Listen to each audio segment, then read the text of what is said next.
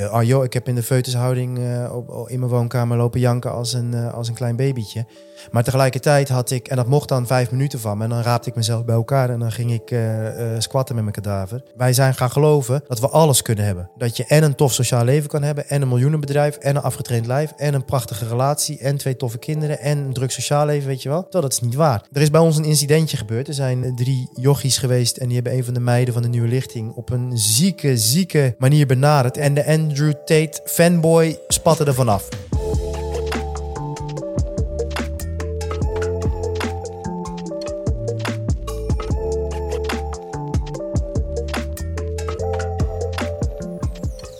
Welkom bij Barberio Podcast, aflevering 28 in een iets andere setting dan je van mij gewend bent.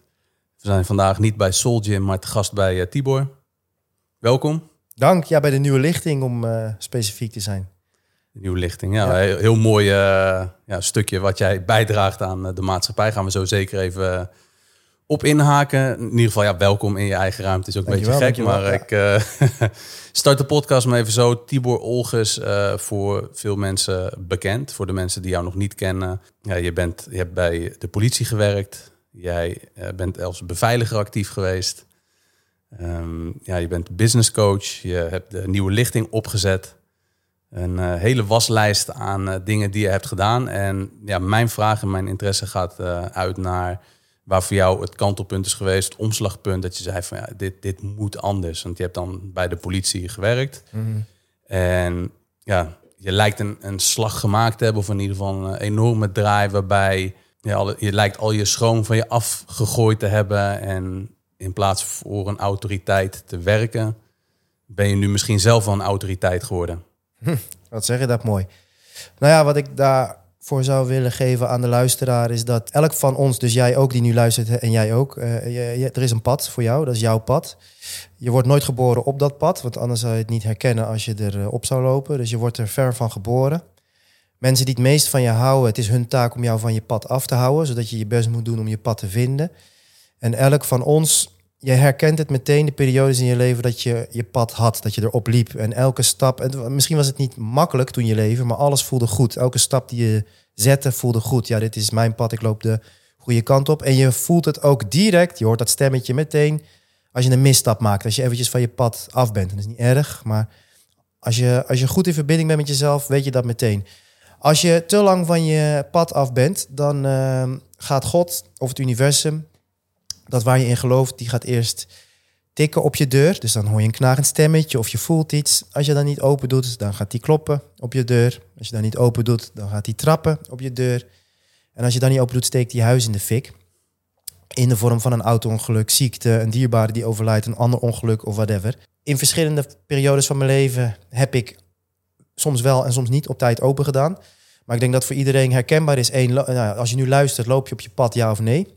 En uh, als je niet op je pad loopt, wordt er op je deur gekrabbeld, geklopt, getrapt. Of uh, begint het al een beetje heet te worden.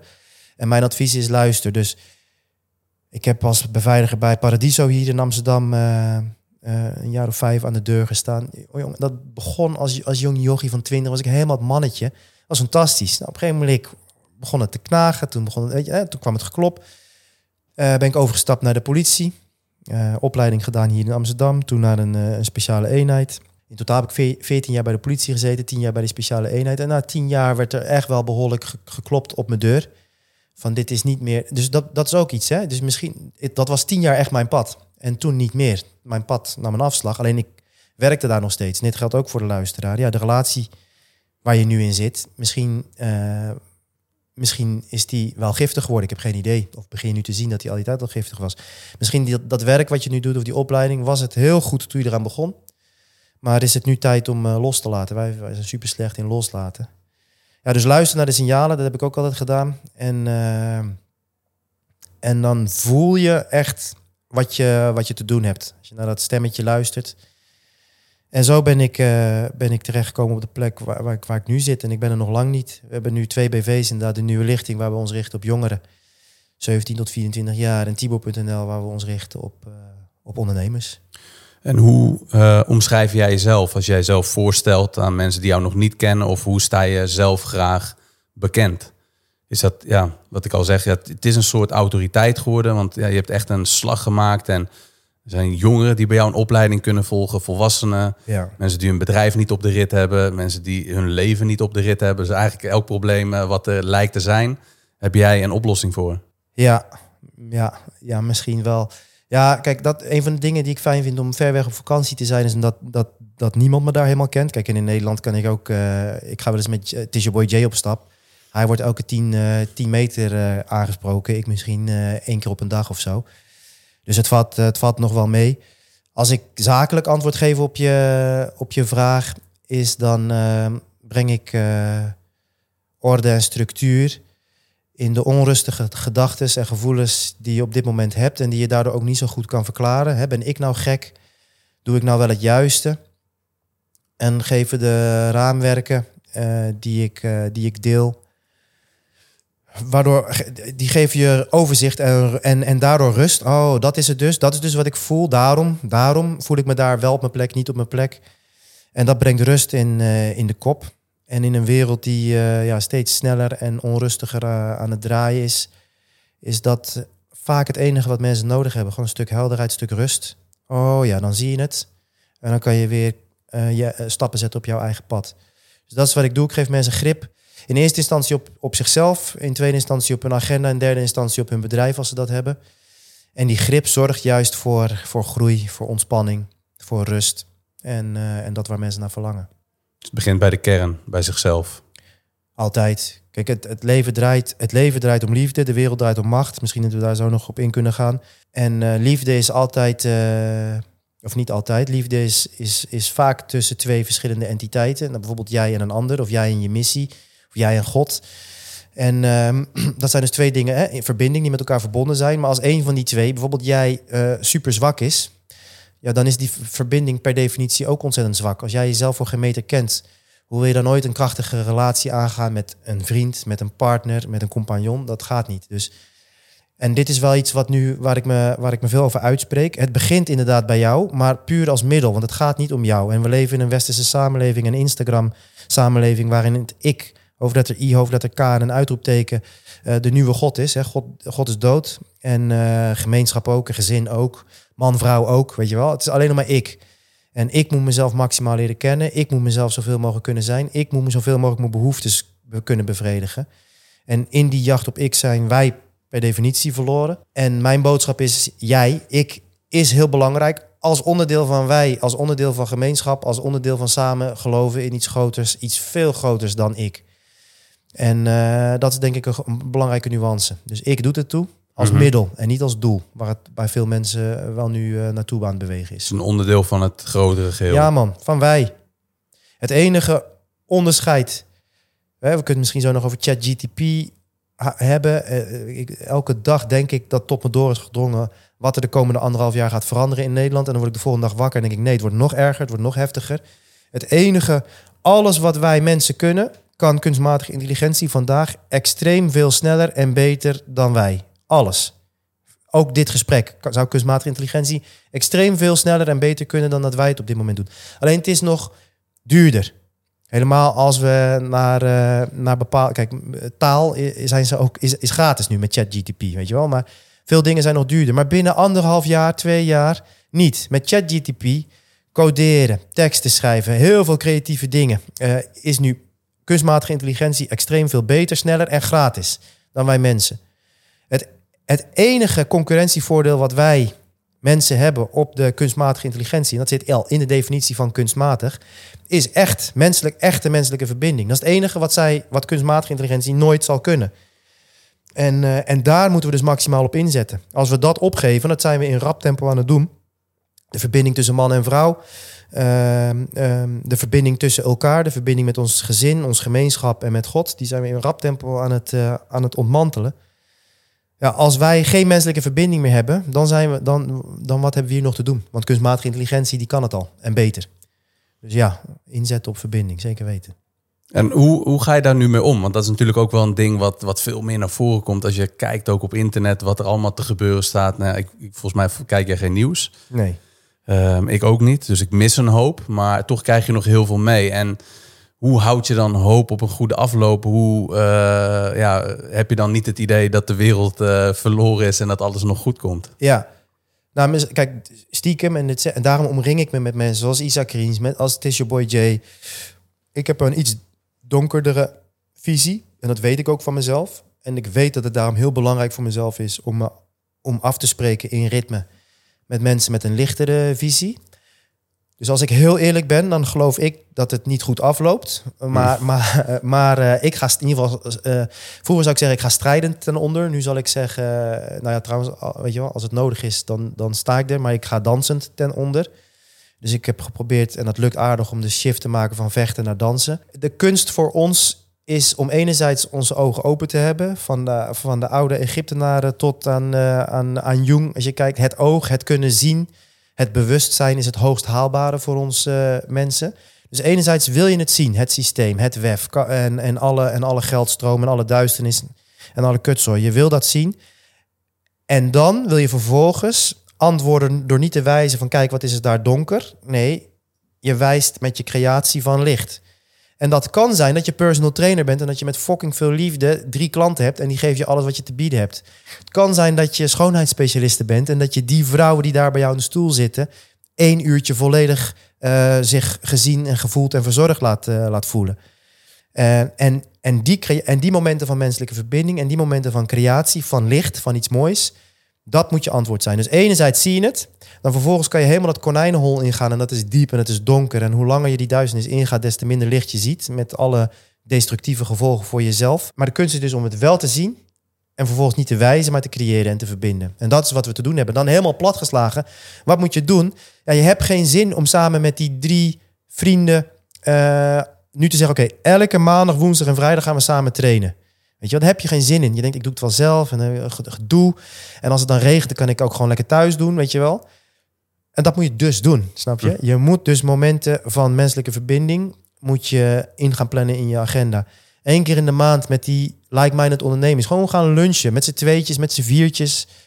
Verder zonder agenda, maar het gedoe van menselijke verbinding. En als je om twee uur afspreekt, wees er om fucking uiterlijk kwart voor twee. Niet een appje sturen om vijf over twee, ik ben wat later. Ga het gedoe aan, doe de moeite van menselijke verbinding. En ik beloof je, het gaat je alles opleveren wat zo de moeite waard is. Dus concreet, ja, investeer in, uh, in verbinding. Flikker die telefoon in een hoek. Bouw, bouw in ritme momenten van menselijke verbinding af.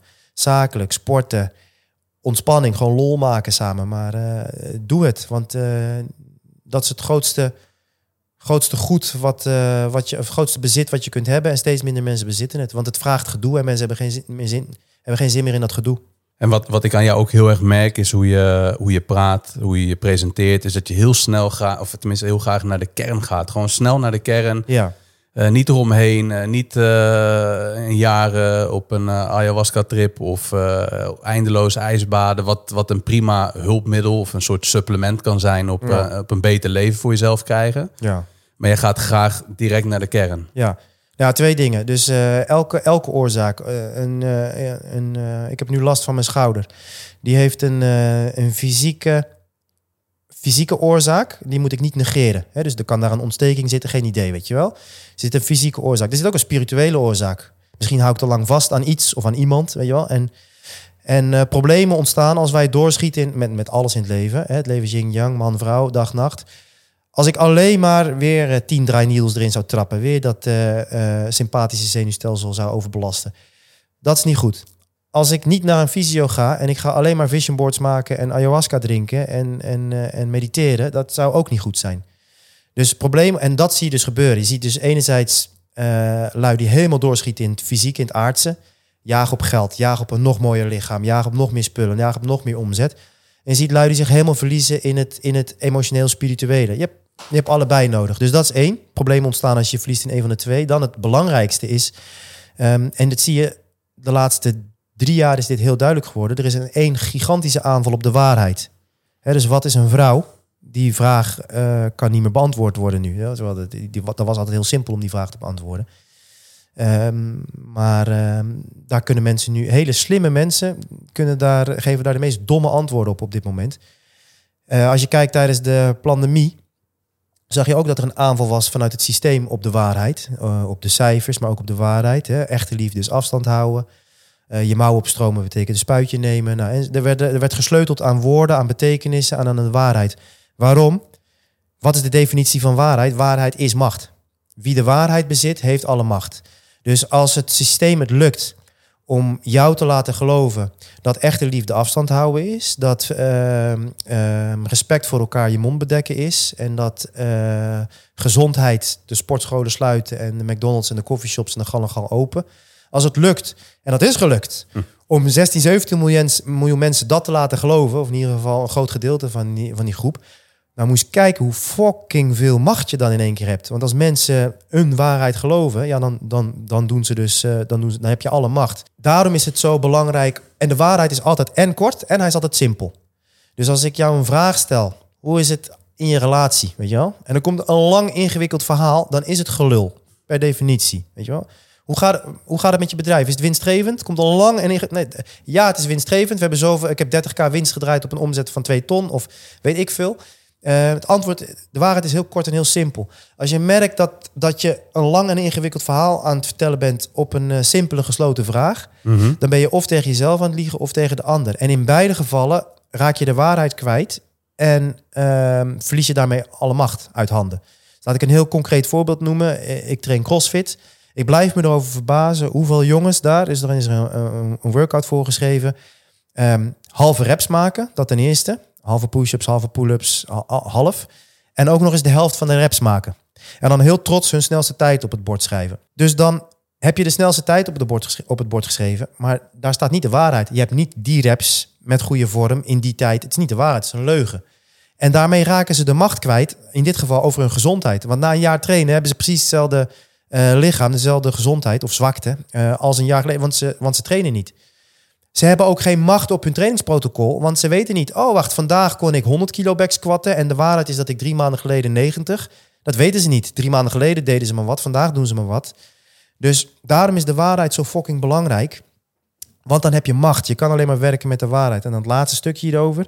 Tussen ja, dus, dan, dus opdracht voor jou, als je nu aan het luisteren bent, is uh, zoek naar de waarheid. En de waarheid ga je nooit vinden. Maar door ernaar te zoeken voorkom je dat je in een leugen leeft. En er zijn twee typen waarheden waar je voor de rest van je leven naar wil zoeken. En dat is één, je wil een correct zelfbeeld, wil je, wil je naar blijven zoeken. En een correct wereldbeeld. Dus hoe werk ik en begrijp ik hoe de wereld werkt. En rond je negentigste besnap je het misschien en dan ga je dood. Maar je wil gewoon al die tijd daarnaar blijven, naar blijven zoeken. En um, er is alleen één probleem. Tussen jou en de waarheid staat altijd een conflict. Altijd. Anders had je hem wel al, de waarheid. Dus misschien, misschien is het conflict wel die vetmeter of die weegschaal. En weet je, als ik nu ga zoeken naar de waarheid, ik ga op dat ding staan. Oeh, dat wordt pijnlijk. Of als ik mee ga trainen met een uh, small group, dan, dan hou, ik de rest, hou ik de rest niet bij. Conflict met jezelf. Eh, weet je wel, van uh, kan ik dat aan? En dan, omdat wij mensen conflicten zo kloten vinden, gaan we conflicten uit de weg. Ga ik niet op die weegschaal staan, ga ik niet naar die small group training. Beweeg ik weg van de waarheid en dus weg van de macht. Dus ik denk hier de laatste tijd heel veel over na. Ik ga graag uh, direct naar de waarheid toe. Uh, want daarmee kunnen we werken, dan hebben we macht. En uh, ik weet dat de waarheid soms pijnlijk is. Maar de waarheid bedekken met een dekentje van lieve leugen zorgt er alleen maar voor dat die waarheid gaat rotten, enerzijds. En anderzijds dat je je macht verliest. Dus daarom, check bij jezelf. Welk conflict ga ik uit de weg? Met wie? Met mijn ouders, met een collega, met mijn partner? Welke waarheid vermijd ik? Welke vraag durf ik niet te stellen? Welk verlangen of irritatie of angst durf ik niet uit te spreken. Ik ga het conflict uit de weg. Daardoor heb ik geen waarheid. Daarom ga ik, zit, zit ik machteloos. Ja, en eh, voor jou is rechtvaardigheid, eh, lijkt mij in ieder geval al heel lang eh, een belangrijk item geweest. Dan werk je op een gegeven moment bij de politie. En ik weet niet of dat echt zo is geweest, maar met de maatregelen inmiddels, denk ik drie jaar geleden, sta je misschien wel een soort van figuurlijk lijnrecht tegenover de politie. Ja. En dat is denk ik ook wel het moment, denk ik, na, als ik het zo kan noemen, jouw grote doorbraak. Dat, dat echt jij bekend bent geworden door echt een statement te maken waarbij je echt alles op het spel hebt gezet. Want uh, als ik me over bepaalde politieke zaken zou uitlaten, dan denk ik wel, dan voel ik heel erg veel onzekerheid en angst. Van ja, als ik dit nu hardop zeg, dan, uh, dan bestaat het risico dat mijn bedrijf, wat ik nog niet op het punt heb uh, wat, ik wil, wat ik wil. Relaties denk ik van ja, als die echt zijn, dan, dan kun je eigenlijk alles wel zeggen. Maar daar was ik dan niet zo bang voor. Maar bijvoorbeeld met een, met een bedrijf is het heel uh, angstig geweest om daar dan echt dat onrecht wat je voelt, om echt een plek te geven. Jij hebt gezegd van weet je, fuck it, ik zet alles op het spel. Ja. Ik ga staan voor, uh, ja, voor, voor, de groep als het ware. Of gewoon uh, een soort schild. En van oké, ja, jij zegt eigenlijk wat een groot gedeelte van Nederland niet durfde te zeggen. En daar heb ik wel respect voor. Maar hoe is dat voor jou die periode geweest? Dat je, dat je eigenlijk kon zeggen van oké, ja, weet je, ik, ik voel misschien hier en daar wel wat angst. Maar ik voel dat ik dit moet doen. Ik ga het doen en fuck it, ik zet alles op het spel. Ja, dat was een verschrikkelijk zware periode. En, uh, uh, en achteraf gezien ben ik uh, zo dankbaar dat ik heb gedaan wat ik heb gedaan. Ik, ben, ik heb vooral voor veel kleine ondernemers heb ik er kunnen zijn. We zijn direct gratis, hebben we een platform opgezet en hebben we daar ondernemers samengebracht. Maar precies dat laatste wat je zei, dat ik woorden heb kunnen geven aan de, aan de twijfel en de onrust bij heel veel mensen die voelden, hè, ben ik nou gek, maar er klopt toch iets niet. En dat dan mijn woorden hun hebben kunnen helpen. Om, ik ben dus niet gek en ik ben niet, en dat ook de evenementen die we hebben georganiseerd en aan mensen hebben kunnen laten zien. Moest kijken met, met hoeveel je bent. Weet je wel, je bent niet alleen. Uh, we zijn met heel veel en je, en je gevoel klopt. Je bent in ieder geval niet de enige met, uh, met dit gevoel. Ik denk ook dat. Kijk, mijn boodschap is al tien jaar hetzelfde. Weg van uh, de waarheid, weg van de meeste weerstand, zelf nadenken, je eigen shit regelen.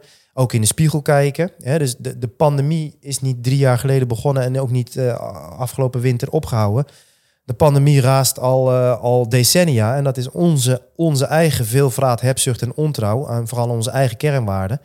En wat mij dus ook heel erg is opgevallen, is dat toen ik tijdens de lockdown, toen het verboden was, een nieuwjaarsduik organiseerde. En ik gewoon werd opgewacht inderdaad door acht paks politie en boa's. Uh, die gewoon toen ik aankwam lopen al precies wisten wie ik was. Maar ze konden het niet tegenhouden omdat we met veel te veel waren met een paar honderd. En afgelopen uh, eh, 1 januari waren we met misschien 120. Hè? Een vierde of zo, of een derde van, uh, van toen het niet mocht. En dan zie ik, ja lui, dit is het. Dit is dus de pandemie. Zodra het comfortabel wordt, hè, alles is weer open, je kan weer lekker enzovoort. Dan kom je dus niet opdagen. Pas als het pijn doet, dan komt een klein gedeelte van de, van de samenleving komt opdagen. Die komt vechten voor die sportschool. Maar nu is de sportschool open. Ga je ook God voor drie keer per week, weet je wel? Nu mag je afspreken met je ouders. Bezoek je ze ook één, twee keer per week. En heb je dan je telefoon in je auto laten liggen? Zit je daar met al je aandacht? Je mag nu met twintig vrienden elke maand samen het water ingaan, samen trainen of gewoon een leuke dag doen. Doe je het ook elke maand? Nou, het antwoord is dus nee, als je gewoon naar de cijfers kijkt. We gaan weer terug naar scrollen, naar Netflixen, naar, naar troep eten, naar onze eigen diabetes type 2 uh, uh, veroorzaken, enzovoort, enzovoort. Dus uh, ja, ik hoop ook dat voor mensen die nu zitten te luisteren. Um, dank als je er was toen het moest, weet je wel. Want er waren, vrouwen stonden als eerste op. Die voelen dat gewoon eerder aan. Dit klopt niet. Het heeft echt geduurd voordat de mannen gingen opstaan. En ook veel minder. Toen moest het. Nu hoeft het niet. Nu, nu kan het, weet je wel. Je kan nu naar de gym. Je kan nu verbinden. Je kan nu je beste werk delen met de wereld. Ga je het nu ook doen? Of ga je nu weer in die, die comfortabele tentakels van het systeem je laten verleiden tot, uh, tot wachten op het goede moment of wachten tot toestemming.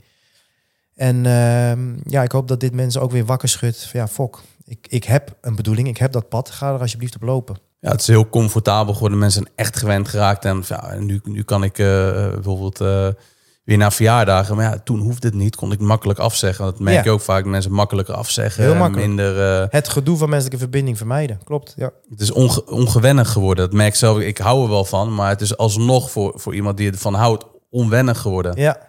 En ja, het enige wat je kan doen is het gewoon weer doen. En besef hoe belangrijk het is. Want dat blijft terugkomen. En ja.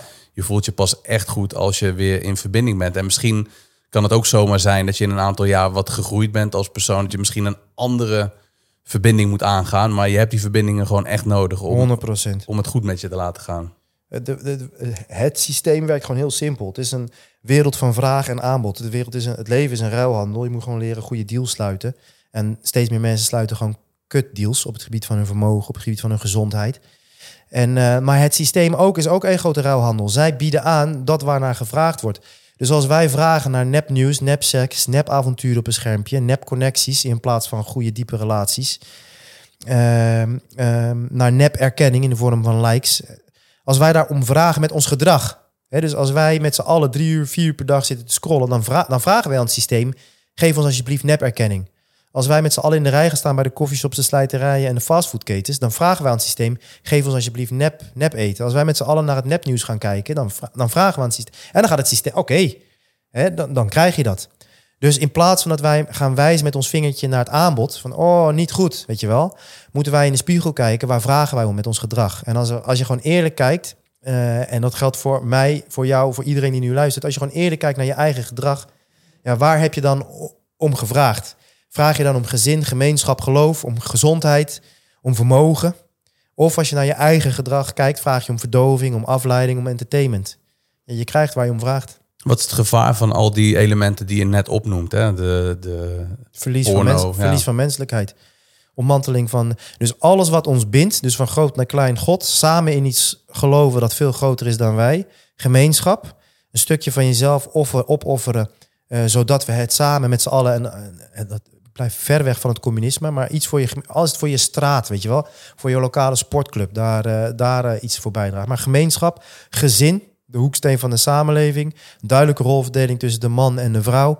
Duidelijke rolverdeling tussen de ouders en de kinderen. Uh, wat allemaal al ontmanteld wordt. En dan gewoon op, individueel, op mens, menselijk individueel niveau een man en een vrouw je shit op orde brengen. Jezelf helen, je trauma's aankijken, goed voor jezelf zorgen. Al die zaken worden op dit moment aangevallen. Waarom? Dat zorgt voor menselijke verbinding. En menselijke verbinding is krachtig waarom, waar, een van de belangrijkste redenen waarom we natuurlijk ook niet meer in de horeca mochten samenkomen destijds. Want daar heb je, mensen, daar heb je het met elkaar over dingen die gebeuren. Uh, door dat te verbieden, kunnen dat soort gesprekken ook niet meer worden, worden gevoerd. Dus het grote gevaar is gewoon verlies van menselijkheid.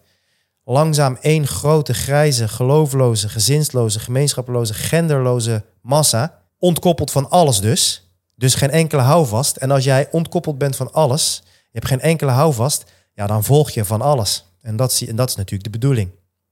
Dus dat is het gevaar. Ja, en ik denk ook wel de dingen die je net allemaal opnoemt en wat meer uitgebreid hoe je daarop ingaat, kan best wel eens confronterend voor mensen zijn. Het zijn gevoelige onderwerpen, alle, allemaal gevoelige onderwerpen. Als je jou goed volgt uh, en een beetje begrijpt, uh, denk ik niet dat het heel moeilijk is om daar uh, je weg in te... Jij bent gewoon duidelijk. Je hebt geen verborgen boodschap, vind ik in ieder geval. Maar dat het toch voor sommige mensen wel aanstootgevend kan zijn. Voor oh, wat, wat, wat wordt hier allemaal gezegd? En ja. genderneutraal. En dat het zijn allemaal van die onderwerpen dat, uh, die heel gevoelig liggen. Mensen vinden, oh, daar moet je wel heel gevoelig mee omgaan. Maar eigenlijk wat jij doet, is het wel op een hele respectvolle manier uh, neerzetten. Mensen laten nadenken. Maar ik kan me ook voorstellen dat, dat er veel mensen boos worden om wie jij bent en wat je zegt. Ja, Nee, dat, dat, dat klopt. Dat, dat, is, dat is hartstikke prima. Ik, uh, ik, ik doe alles wat ik doe, doe ik met respect en met, met liefde. En als je probeert een boodschap naar buiten te brengen die, nou, gewoon simpeler gezegd, als je, het maakt niet uit wat je zegt, maar als je een positie inneemt, dan 80% van de wereldbevolking interesseert het helemaal geen kut wat jij daar te zeggen hebt. En dan van de overige 20% vindt misschien, nou, noem een percentage 8% vindt het best interessant. 8% vindt het mega kut, wat jij uh, zegt. En 4% is helemaal fan, weet je wel. En het, belangrijke, het belangrijkste punt is, dus het maakt niet uit wat je zegt. Dus dan is mijn boodschap, ja, zeg alsjeblieft wat jij denkt en wat jij voelt. Want die percentages blijven altijd precies hetzelfde. En het is niks zo zuur als dat jij niet jezelf bent.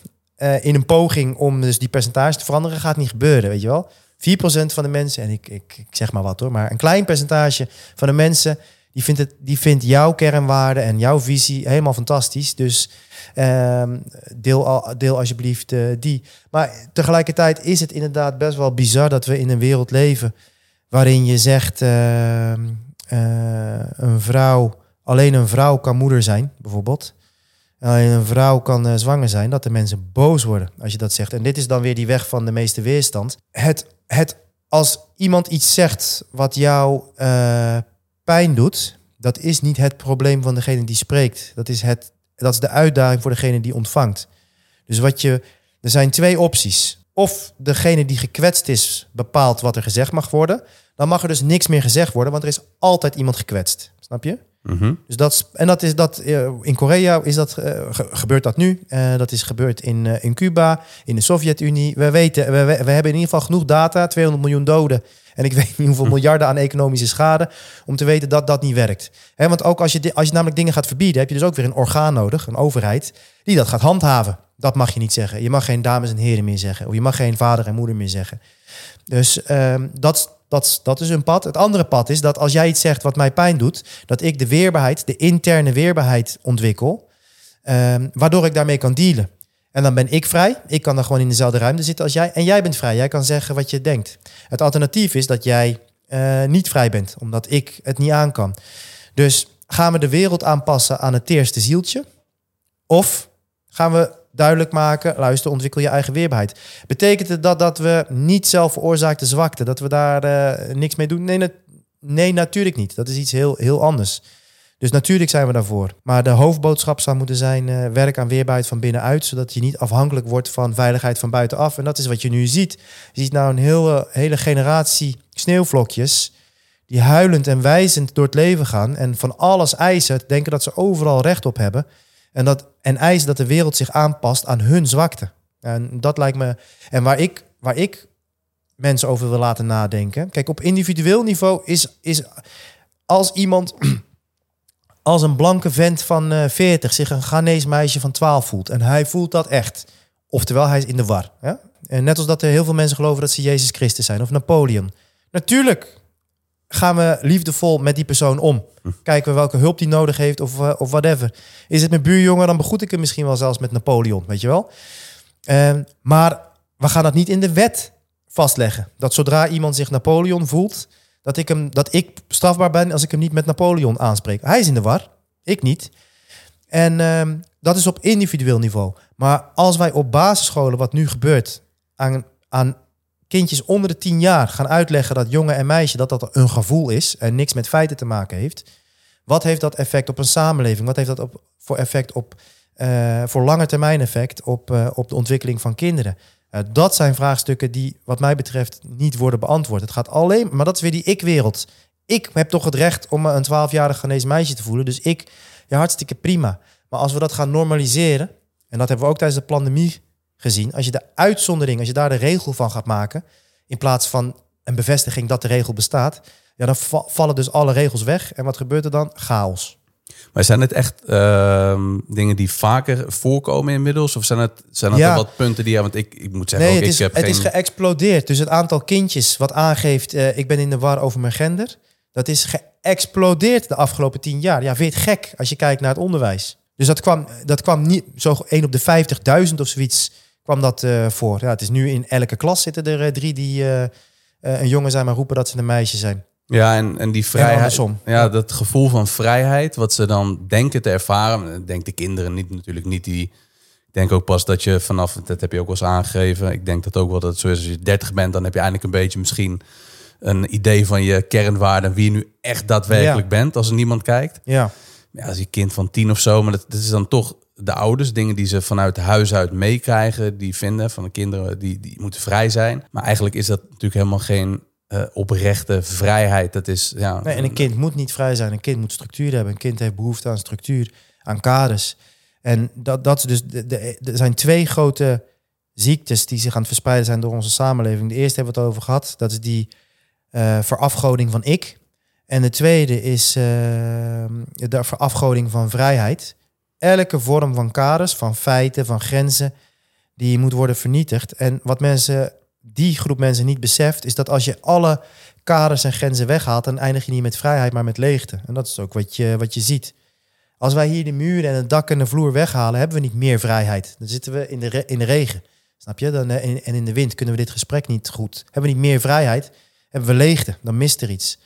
En ook dat is weer een balans. Hè? Dus uh, je, als je te veel regels en te veel kaders, nou, dan ga je weer naar een totalitair regime. Uh, maar verwijder alle, alle regels en kaders en je krijgt chaos. Dus, en en wij, wij zijn nu naar dat laatste aan het, uh, aan het bewegen. En tenminste in, met die, de, de wokies, de wookstroming. Die wil elke vorm van kader, van regel onder het mom van vrijheid vernietigen. wat een man is, wat een vrouw is, wat een gezin is, wat gemeenschap is, wat God is. Ik ben God, weet je wel. En Ja, en daardoor zie je steeds meer leegte. En we hebben al die cijfers. Ook vandaag weer 1 miljoen Nederlanders, meer dan 1 miljoen Nederlanders, hebben vandaag een antidepressiva pilletjes geslikt. Alleen maar om de dag door te komen. Dat is allemaal exponentieel aan het, uh, aan het groeien. Ook vandaag, ik weet niet hoeveel, uh, eh, 80% jongens hebben vandaag hun gedragsmedicatie door een strot gedouwd gekregen, omdat ze een labeltje hebben gekregen, omdat ze niet passen in het systeem. Uh, diabetes type 2, depressie, uh, suicidaliteit, het is suicidale gedachten, het is allemaal exponentieel aan het groeien. Dus er gaat iets niet goed in de samenleving. En als je het aan mij vraagt, komt dat omdat we geen oog meer hebben voor samen, maar alleen nog maar voor ik. Terug, uh, ja, hoe zeg het? Een uh, terugge conclusie die je zo dan uh, ja, en kan trekken. En een, en een kans. En een kans. Ga morgen is, trainen met een groepie. Ja. En doe van het weekend iets leuks met z'n allen. Ja. Ga dat gedoe aan. Ga weer op uit. Blijf niet thuis zitten, want thuis gebeurt vrij, vrij weinig. Ik denk ook dat het af en toe lekker is om inderdaad een keer thuis te zitten. Maar het moet niet alleen maar thuis zijn. Of dat het één keer in de maand dat je eens een keer uh, mensen ziet. Wat, wat ik ook wel een uh, vrij verdrietig stukje vond. Dit is nog allemaal wel te herstellen. Wat niet te herstellen is, dat, dat is best wel een uh, voorbeeld die een tijdje teruggaf. de vrouw die heel erg gedwongen wordt om een carrière te maken. En, en als ze dat van zichzelf uit echt graag wilt, zij wordt daar van binnenuit heel gelukkig van. prima. Ja. Totdat ze op een gegeven moment dan 40 is en dat eigenlijk niet wilde. En het werd heel erg gepusht. En het blijkt, ja, ze is niet meer vruchtbaar, denk ik. Of, of in ieder geval een stuk moeilijker. Dan kun je niet meer terug. Dan heb je dus het, ja, de kans om leven door te geven of, of om een kind te nemen, die, die is niet meer te herstellen. Dat vond ik wel echt een, een heftig voorbeeld. En dacht ook van ja, dat gebeurt zoveel. En dat geldt voor mannen ook. Uh, dat, dat het steeds. Nou, als je eh, ziet wat er dus gebeurt, kinderen worden in de war gebracht. Mannen, daar wordt tegen gezegd, uh, gedraag je als een vrouw. Vreet soja, masculiniteit is giftig en uh, nou, wordt zacht en lief en ongevaarlijk. En tegen mhm. vrouwen wordt gezegd, uh, word zoals een man, ga carrière maken. Dus als je die drie zaken bij elkaar optelt, verwarde kids, zwakke, zwakke vaders en uh, harde, niet aanwezige moeders. Ja, dat, dat is geen handige combinatie. Nee. Als ik het goed heb, heb jij geen kinderen? Nee, klopt. Wil jij wel kinderen? Heel graag. Dus ik heb daar lang over getwijfeld. Van wil ik en ik heb dit gesprek vaak, vaak met, uh, met mensen van willen kinderen zetten in een wereld met zoveel duisternis. En helemaal sinds ik met de kids van de nieuwe lichting aan het werken ben, weet ik van ja, 100% van wat deze wereld het antwoord zijn kinderen die liefdevol en met aandacht zijn opgevoed, uh, in verbinding staan met zichzelf, met, met, uh, met de rest van de wereld. Dus uh, ja, ik hoop dat het me gegund is. Ja, je hebt recentelijk is jouw relatie uitgegaan, als ik het goed heb. Nou ja, drie jaar, twee jaar geleden, ja, tweeënhalf jaar geleden. Ja, dus dat, uh, ja, hoe is dat voor jou geweest? Dat is ook wel, hè, je gaf al aan, ja, persoonlijk vind ik het niet heel belangrijk om uit te wijden over mijn persoonlijke stukje. Maar ik heb toch wel wat vragen gehad om, uh, om, om wat persoonlijke vragen jou te stellen. Toch ben ik er ook wel geïnteresseerd, omdat dat wellicht wat verbinding geeft voor mensen ook. Om te zeggen, ja, hier, hier kan ik wat mee. Of ja. Nou ja, wat ik daarover kan delen, ook uit respect voor, uh, voor haar, is dat het uh, tien van de mooiste jaren van mijn leven zijn geweest. Waar ik uh, alleen maar dankbaarheid en liefde voor, uh, voor, uh, voor heb. Dat ik met heel veel, dat het onbetaalbaar is. Hier heb ik het vooral met mannelijke vrienden over. Dat ik kan zeggen, ik ben tien jaar lang de man geweest die ik had willen zijn. In elke zin van het woord. Ik ben trouw gebleven aan mijn eigen kernwaarden. En dus, dus ook bijvoorbeeld aan haar. Uh, en uh, de grote les die ik denk ik moest leren van, uh, van God of van het universum, is dat, kijk, alles in mijn leven lukte. Al op elk gebied. En het allerbelangrijkste in mijn leven is mislukt. Dus ik denk dat de les, in ieder geval die ik heb geleerd, is dat de allerbelangrijkste dingen in het leven, daar heb je invloed op, maar die kan je niet controleren. Dat is één. En twee, wat ik dus, waar ik dus zo dankbaar ben voor mezelf, is dat ik alleen maar liefde en dankbaarheid heb. Omdat ik, ik heb geen dag gemist. En ik heb ook helemaal niks van had ik maar meer dit of minder dat. Uh, was ik maar meer aanwezig geweest of uh, weet ik veel. Nee, ik ben uh, en, en dat gun ik, gun ik iedereen. Dus de, de grote lessen zijn zorg dat vandaag klopt. Ehm, je, hebt, je hebt invloed op het leven. Het leven is niet maakbaar, maar het is wel beïnvloedbaar. Zo, ik word ook vaak verkeerd geïnterpreteerd alsof het leven uh, Tony Robbins maakbaar zou zijn. Absoluut niet. Het is zo fijn. Uh, shit happens. Het is zo fijn als shit happens. Als je dan kan terugkijken van maar mijn invloed. Ik ben trouw gebleven aan mijn, uh, aan, mijn kernwaarden. En dus besef dat de allerbelangrijkste dingen in het leven, die, die heb je gewoon niet onder controle de afgelopen jaar ook. En het, als je dat dan opstapelt bij de maatregelen waar je veel last van hebt gehad. Zo, ja, heftige periode. Ja. Zakelijk gezien volgens mij ook wel wat tegenslagen gehad. Nou ja, zeker weten. Ja, en ik heb, ben natuurlijk ook verantwoordelijk voor alle mensen die in dienst zijn. Dus uh, dat was een, nogmaals een pittige, pittige periode waarin ik de eerste anderhalf jaar alleen maar heb gevochten. Uh, en dus ook helemaal naar de tyfus ging uiteindelijk. En toen heb, heb open gedaan. Toen, al, toen mijn huis al behoorlijk in de fik stond. En de switch heb gemaakt van vechten naar dansen. Van wijzen naar creëren. Van, uh, van boos zijn naar verbinden. Ja, dat is wel een hele donkere periode in jouw leven. Waar je dus ook dan uh, ja, moet laten zien van ja, Tibor, weet je, die, die, ja. die is natuurlijk ook niet uh, van steen. Ik heb al mijn eigen praatjes heb ik uh, nodig gehad en toe moeten passen. En om niet, niet om te flikkeren, zeg maar. Ja. Ja, en wie, wie zijn dan voor jou belangrijk echt geweest in jouw leven om jou ja, die verbindingen dan aan te blijven gaan? Of ben je ook wel eens echt alleen daarin geweest? Heel veel. Oh, joh, ik heb in de feutushouding uh, op, in mijn woonkamer lopen janken als een, als een klein babytje. Maar tegelijkertijd had ik, en dat mocht dan vijf minuten van me, en dan raapte ik mezelf bij elkaar en dan ging ik squatten met mijn kadaver. Ik ging naar Braziliaans jiu-jitsu, ik ging naar crossfit en af en toe, helemaal in de beginperiode, af en toe moest ik naar buiten, moest ik even janken, maar dan ging ik weer naar binnen. Dus dat is weer dat, dus wel alles voelen. Dus mhm. ook als ik met mensen spreek die wat voor trauma dan ook, of, of door rouwperiode heen gaan. Je moet alles voelen, anders slaan emoties zich op in je lichaam en dan maak je er een tumor van. Dus het moet, je moet het uiten. Dus dat is het ene spoor. Het andere spoor is je shit regelen. Nou, als man is dat helemaal makkelijk. Gewoon trainen met een kadaver, vechtsport, broederschap, andere mannen opzoeken. Ik heb me ook heel erg omringd met wijze wat oudere vrouwen. Uh, om van hun te leren, om ook te leren voelen, om te leren uh, daar, daar te uiten. Maar ik ben ook echt in ritme. En ik had geen zin, maar het stond gewoon in mijn agenda, weet je wel met uh, goede, goede jongens afspreken. Eh, of samen gewoon koffie drinken of samen trainen. Dus dat zijn die twee sporen. Enerzijds alles voelen, anderzijds shit regelen. Dan heb ik het ook over mijn business. Ja, ik moet gewoon, ik moet gewoon mijn shit regelen. En dan de, de bielsen, de, de connectoren. Dat waren momenten van menselijke verbinding die ik ook gewoon inplande. Dat spoor heeft mij er doorheen getrokken. En alle mensen waarmee ik dat heb gedeeld. Alles voelen, shit regelen, momenten van menselijke verbinding. Ja, dat trekt je door de duisternis heen. Want in die duisternis zit je goud verstopt. Dus dat is ook hard. Dat is echt heel erg waardevol, achteraf gezien. Het zelf is natuurlijk super kut. Uh, maar je gaat daar ook je, je de grootste schat uh, ontdekken als je, als je alles voelt. Als je je ogen open houdt, al je zintuigen uh, open houdt. En dus niet gaat verdoven met kook, hoertjes, eh, werk, whatever. en wel de moed hebt om, om alles te voelen. Alles aan te kijken. Ja, ja. Ja, dat is voor veel mensen lastig. Ik denk ook dat iedereen daar was uh, zich in herkent of vaker. Dat je denkt, ah, deze uitdaging, uh, die skip ik vandaag even. Ik uh, blijf lekker in bed liggen. Of ja. ik kijk vanavond wel even die serie terwijl je eigenlijk moet gaan trainen. Of bestel wel een keer thuis bezorgd. Of kijk wel een keer porno in plaats van andere menselijke verbindingen. dus dat, dat is iets waar iedereen zich wel eens in verliest. Maar het, het moet geen patroon worden waar je, exact. Waar je alles, alles, alles is oké, maar het sleutelwoord blijft, blijft balans. En die is gewoon zoek, weet je wel. De balans is echt zoek. Mensen slaan, uh, slaan door. Dus je kan ook hier weer in, je kan doorslaan in het alleen maar, alleen maar jezelf zielig vinden. Je kan doorslaan in alleen maar max gaan trainen. En uh, dat, is weer, dat zie je in het Red Pill community als een, uh, als een jong, het advies aan jongens als hun relatie is beëindigd. Weet je wel, max geld, husselen, trainen. Mm nee, alsjeblieft, voel ook, weet je wel. Ja. Anders ga je tumoren maken. Ja. Dat één, dus dat is kut voor jou en voor je dierbaren. Met een tweede, je gaat het patroon, je hebt niks geleerd. Dus in je, in je volgende relatie ga je hetzelfde doen.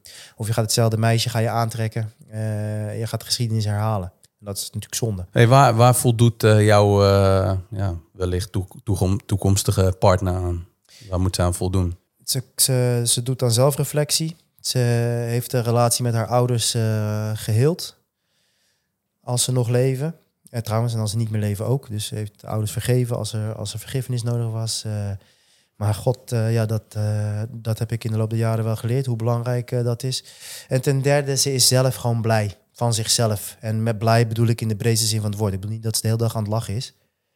Maar ze is gewoon blij met zichzelf, met het leven van zichzelf. En ik, mhm. ben een, ik ben een fantastische aanvulling en versterking vooral als man voor haar.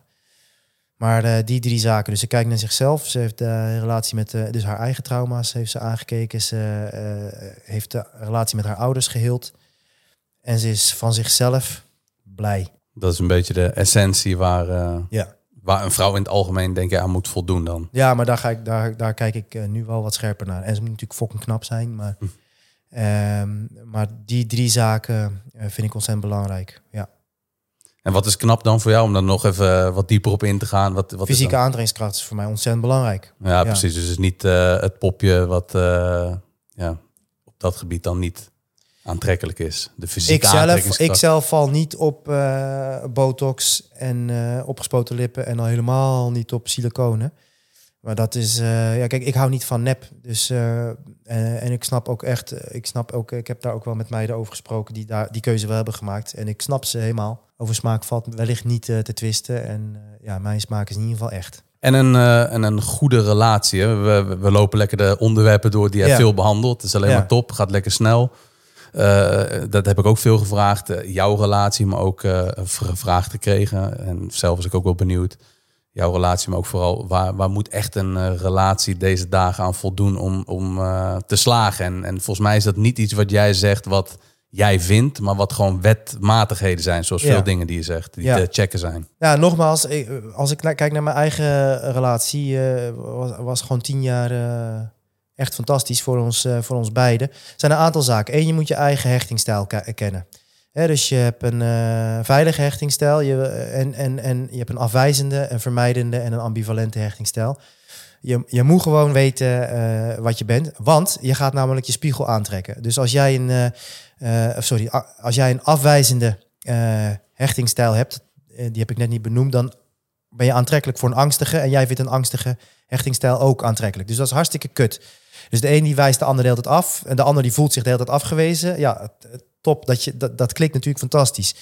Een uh, vermijdende hechtingstijl, ja, die krijgt een relatie met een andere vermijdende hechtingstijl. Dat zijn de knippelige relaties, heftige seks, heftige ruzies, aan, uit. En de veilige hechte mensen, die krijgen uh, mooie, diepe, stabiele, krachtige relaties. Dus het is belangrijk als je niet veilig bent, gehecht, om je daarin te verdiepen en te weten, zit ik in de afwijzend. In het persoonlijke ontwikkelingswereldje zitten heel veel mensen onbewust afwijzend die dus liefdevol hun vrienden, hun familie, hun partner afwijzen. Hey, weet je wat je, jij zou echt dit boek moeten lezen. Dat zou echt goed voor je. Weet je, jij zou naar die coach moeten gaan. Dat zou echt. Maar wat zeg je? Jij bent niet goed en daar kan je het fixen. Je partner komt bij je, je, je meisje, vooral man heb je een handje van. Ik voel me niet goed, want dit en dit is gebeurd. Oh, maar dan moet je deze drie stappen doen en dan is het gefixt. Wat, je, fixt, je, je, wijst haar, je wijst haar emoties af. Dus één, weet waar je zit in de hechtingstijden. Twee, weet waar je zit als het slecht met je gaat in de drama-driehoek. Ben je een redder, een aanklager of een slachtoffer? Weet dat van jezelf. Want nogmaals, ben je een redder, dan ben je aantrekkelijk voor een, uh, voor een uh, slachtoffer. Ben je een aanklager, ben je aantrekkelijk voor een redder, enzovoort. En het enige resultaat, hè, de wereld is niet rond of plat, het is een drama-driehoek. Als jij dat niet weet van jezelf en je zit dus onbewust op een van die drie posities, is de enige mogelijke uitkomst is drama. Dus één hechtingstijl, twee drama. Uh, en dit is allemaal onderdeel van zoek naar de waarheid. Correct zelfbeeld. Weet het gewoon van jezelf. En dan kan je er wat mee. Dan ten derde zijn er drie levels van relaties. En je wilt langzaam naar niveau 3 bewegen. Level 1, en dat is op elke relatie, dus het is ook tussen ons. Stel wij, wij ontwikkelen een vriendschap. Level 1 is, uh, ik heb ergens zin in, dus dat ga ik doen. Ik heb zin om te gaan trainen, dus ik ga nu trainen. Uh, zij denkt, uh, ik heb nu zin om thuis met een aantal meiden dit en dit te gaan doen, dus ik ga dat doen. Nou, zo zijn veel relaties. En af en toe komen ze elkaar tegen, weet je wel. Level 2 relaties, die zie je het meest. Dat is ehm, de vrouw die zegt tegen haar man: Schat, ik snap dat jij voetbal zo tof vindt en dat je drie keer per week traint en in het weekend een wedstrijd doet. Maar wil je dan van mij begrijpen dat ik het ook gewoon fijn vind dat je thuis zit en als we samen op de bank wat tijd kunnen doorbrengen? Dus ik begrijp jou, maar begrijp jij mij? En dan zegt de man: Schat, ik snap het echt, weet je wel, dat jij wil dat ik thuis ben en zo. Maar wil jij mij begrijpen dat voor mij als ik voetbal, dan voel ik me de man en ik voel me mijn broeders en. Uh, dus dat zijn is een relatie waarbij je een stukje naar elkaar toe beweegt, maar dan, maar dan het meteen maar. Dus ik zie jou maar, dus ik zie je eigenlijk niet. Zie je mij alsjeblieft.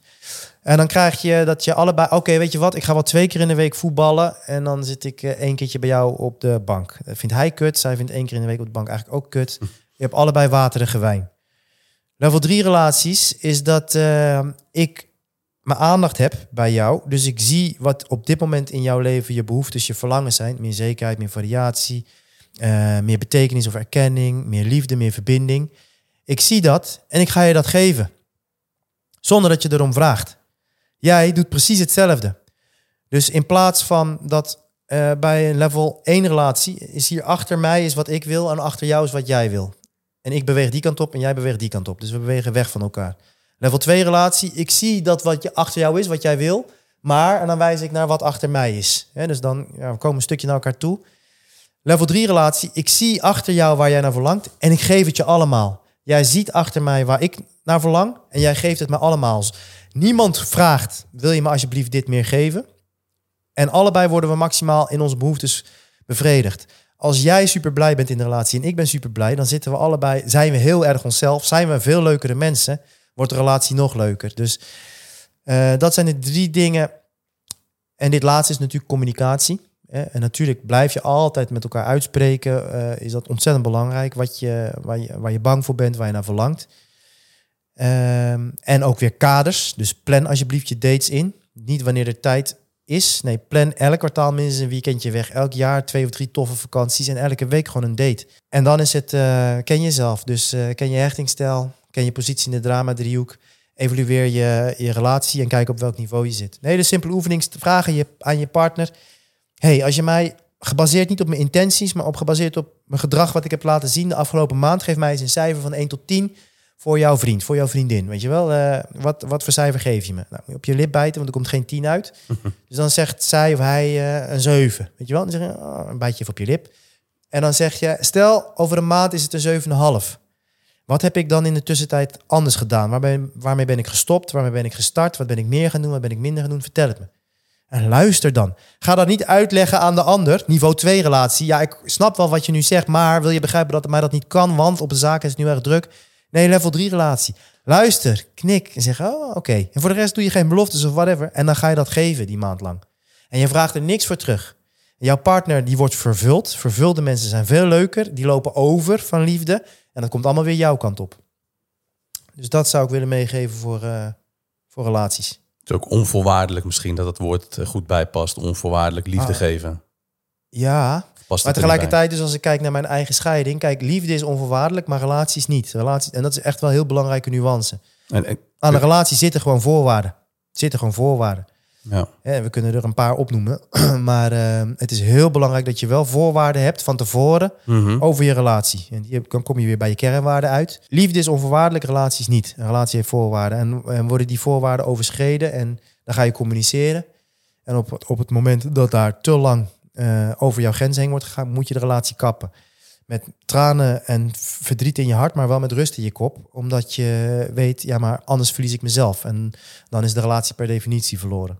Ja, komt dat later een keer terug. Ja, en dan kan je iemand loslaten en daar wel onvoorwaardelijk van blijven houden. Ja, en, en kun, liefde blijven voelen. En, en kun jij misschien, ik weet niet of je daar veel over wil uitweiden, wat dan misschien in essentie voor jou de, de reden was dat die relaties beëindigd die voor, Nee, uit respect voor haar ga ik dat niet doen. Want mhm. alleen maar liefde en, uh, en respect voor, uh, voor haar. Uh, maar in het, in het algemeen, dus ik ga nu voorbeelden noemen die niet bij ons uh, hebben gespeeld. Maar een, een hele gezonde voorwaarde zou kunnen zijn: je neukt niet met anderen, bijvoorbeeld. Mhm. En als die, en nogmaals, als dat dan wel gebeurt, uh, dan zou mijn, als, en dat is een voorwaarde voor je, dan zou ik dus zeggen, nou dan beëindig je de relatie, want de relatie had een voorwaarde. Mhm. Maar jouw liefde kan, er, kan blijven bestaan. Je kan nog steeds in liefde uh, aan diegene denken, in liefde over diegene praten. Maar, hè, dus daar zitten geen voorwaarden, dat zou kunnen. Uh, mm Maar aan een relatie wel. Een andere voorwaarde zou kunnen zijn um, dat je open en eerlijk met elkaar deelt wat, wat er speelt bij jou of in je leven. Of wat, nou, en zo heeft ieder zijn voorwaarden zijn nu ook mensen die vinden, hebben helemaal niet als voorwaarde dat je niet met anderen mag neuken. Nou, hey, als dat voor je werkt, ik heb het nog nooit zien werken, maar als dat voor je werkt. En dat, dat is dus voor jouzelf. Wat zijn jouw voorwaarden? En hou die scherp. Er zit ook gevaar aan, hè? dat heb je ook wel eens benoemd, aan uh, niet monogaam zijn. Dat, dat, is, dat is niet zo onschuldig als dat het lijkt. Ja, kijk, ik ben een ouderwetse man en, en, en, ik, en ik, hou, ik kijk graag naar data. En het werkt gewoon niet. En, het is, en, en, en helemaal als iets gepusht wordt door het systeem, zoals polyamorie met allemaal hippe termen en, en open relaties, dan ben ik altijd extra alert. Een van de, we hebben twee grote problemen benoemd. Een focus op ik en uh, het maximale, oneindigheid, oneindige vrijheid. En daarmee, daar, daarmee direct nou verbonden is het niet meer willen kiezen. Want uh, wij zijn gaan geloven dat we alles kunnen hebben. dat je en een tof sociaal leven kan hebben, en een miljoenenbedrijf, en een afgetraind lijf, en een prachtige relatie, en twee toffe kinderen, en een druk sociaal leven, weet je wel. Dat is niet waar. Alles kan, al deze dingen die ik net heb opgenoemd, maar ze komen allemaal met een prijs. En allemaal tegelijkertijd gaat niet. Dus je zal moeten, je zal moeten kiezen. Vraag aan een topsporter op het allerhoogste niveau wat hij allemaal heeft moeten inleveren om op dat podium te komen staan. En er komt een behoorlijke uh, waslijt waar je echt van gaat, gaat schrikken. Dus als je dan kijkt van wat is dan de oorzaak van al die problemen, is dat wij zijn gestopt met kiezen. Wij kiezen niet meer. Omdat we denken, ik kan alles. Dus we als ondernemers, ik zie ze kiezen niet voor één doelgroep. Ze kiezen niet voor, om één probleem op te lossen. Ze kiezen niet voor één product.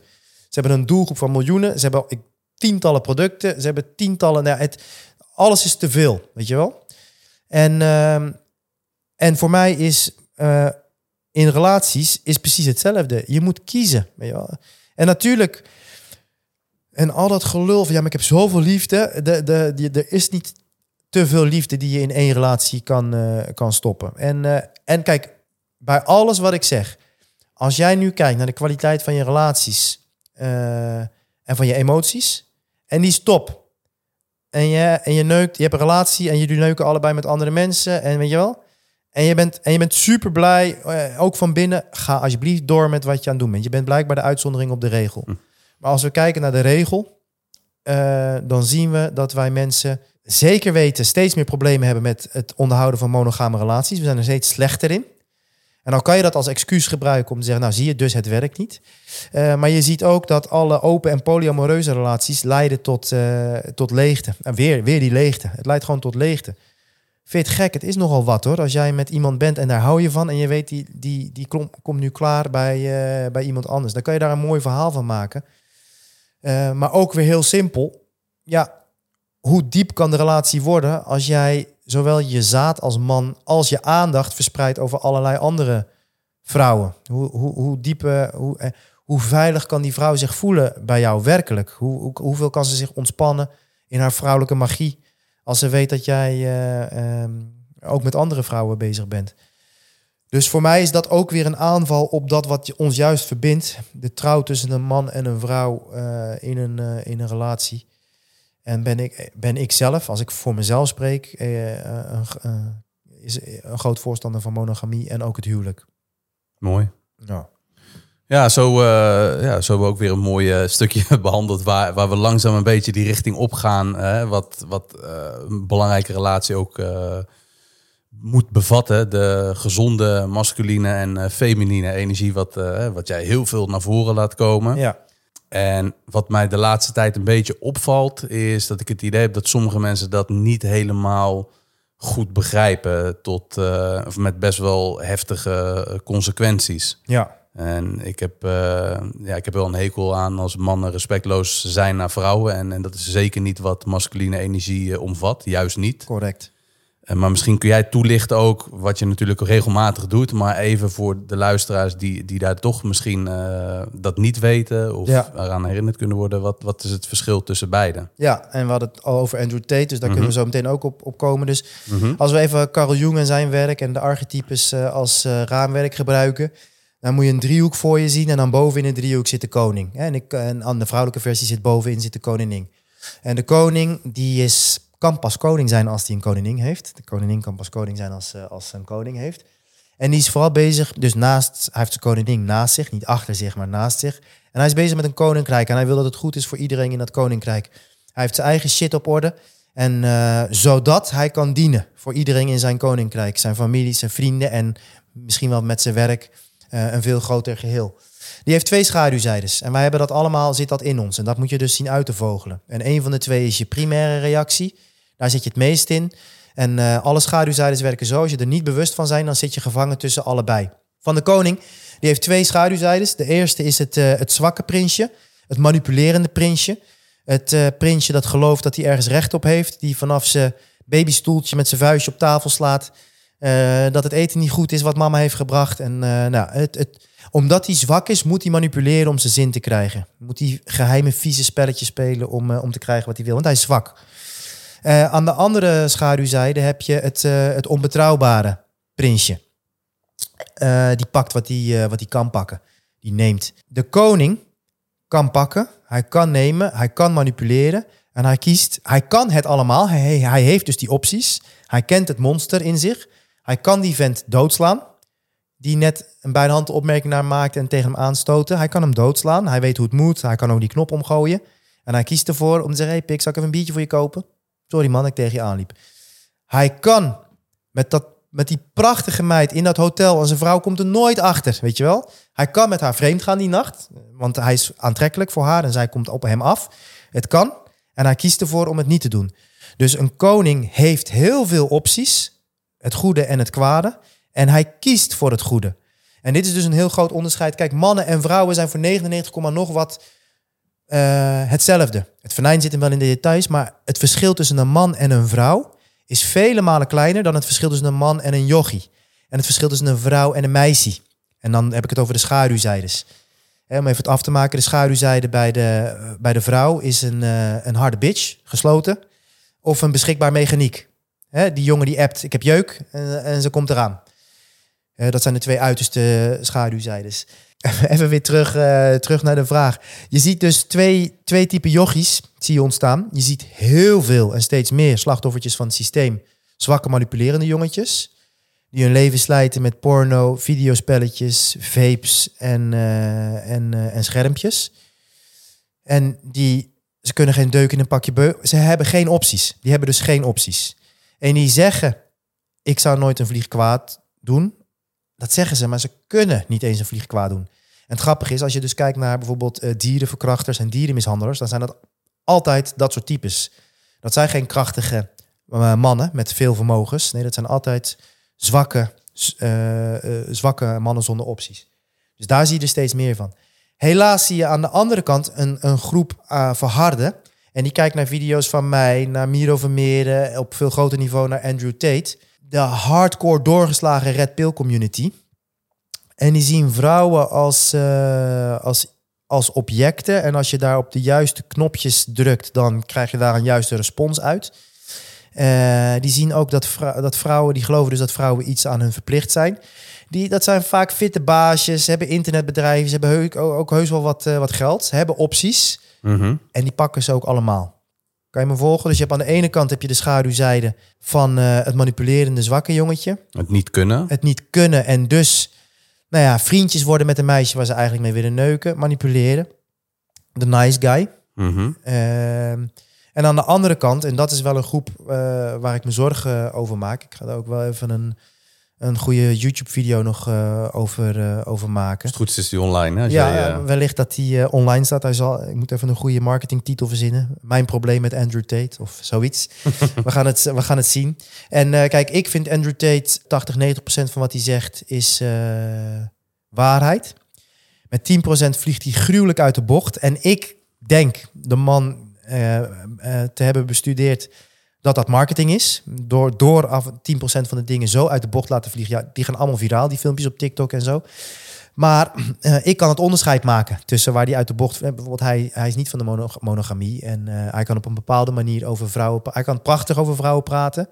80, 90% praat hij ook prachtig over vrouwen. Maar hij kan 10% kan die dingen zeggen. Ja, die zijn gewoon bijna mensonterend. Ik kan dan met een glimlach zien... Oh ja, dit is marketing. Dit is een trucje, mm -hmm. weet je wel. Ja, en je ja. ziet ook, als je goed kijkt, zie je het ook bij hem. Maar bepaalde yogis, die, uh, die nemen dat uh, te serieus op. En ik had het hier vanochtend met Erwin van Beek uh, over, mijn, mijn CrossFit coach. maar hij is meer dan mijn CrossFit coach. Kijk, vroeger, er is bij ons een incidentje gebeurd. Er zijn drie yogis geweest en die hebben een van de meiden van de nieuwe lichting op een zieke, zieke manier benaderd. En de, en de Andrew Tate fanboy spatte er vanaf. Je kan gewoon zien, die hebben elke video van hem bestudeerd. En die 10% waarin hij ja, doorslaat of marketing. uh, dat is wat ze hebben opgeslagen. En het vervelende is wel, ze volgen mij ook, ze volgen ook Miro, dus ze hebben dat allemaal gehoord. En ze hebben de conclusie getrokken, oh ja, dus vrouwen zijn objecten en uh, die zijn iets verplicht aan mij. En als ze niet goed reageren, dan moet je ze ook op hun plek zetten enzovoort. Uh, het tegenovergestelde. Ik heb die screenshots laten zien aan nou, de mannen in mijn netwerk. Allemaal spugen ze erop. Allemaal spugen ze erop. Twintig jaar geleden ging je, dan, ging je dan naar die jongens toe, thuis. Snap je? Ja, Belde je bij ze aan. En dan ging je als groepje mannen naar de jongetjes toe. En dan corrigeerden ze je. En dat is ook, en dat zie je ook bij stammen. Mannen moeten jongetjes corrigeren. En dat is, is niks mis. Weet je wel, jongetjes vliegen uit de bocht. Weet je wel. En, en dan, eh, misschien moest er een corrigerende tik bij. Misschien ook helemaal niet. Maar dan wist je als jochie, ah kut, dat deed pijn. Dit was kut. Dit moet ik dus niet meer doen.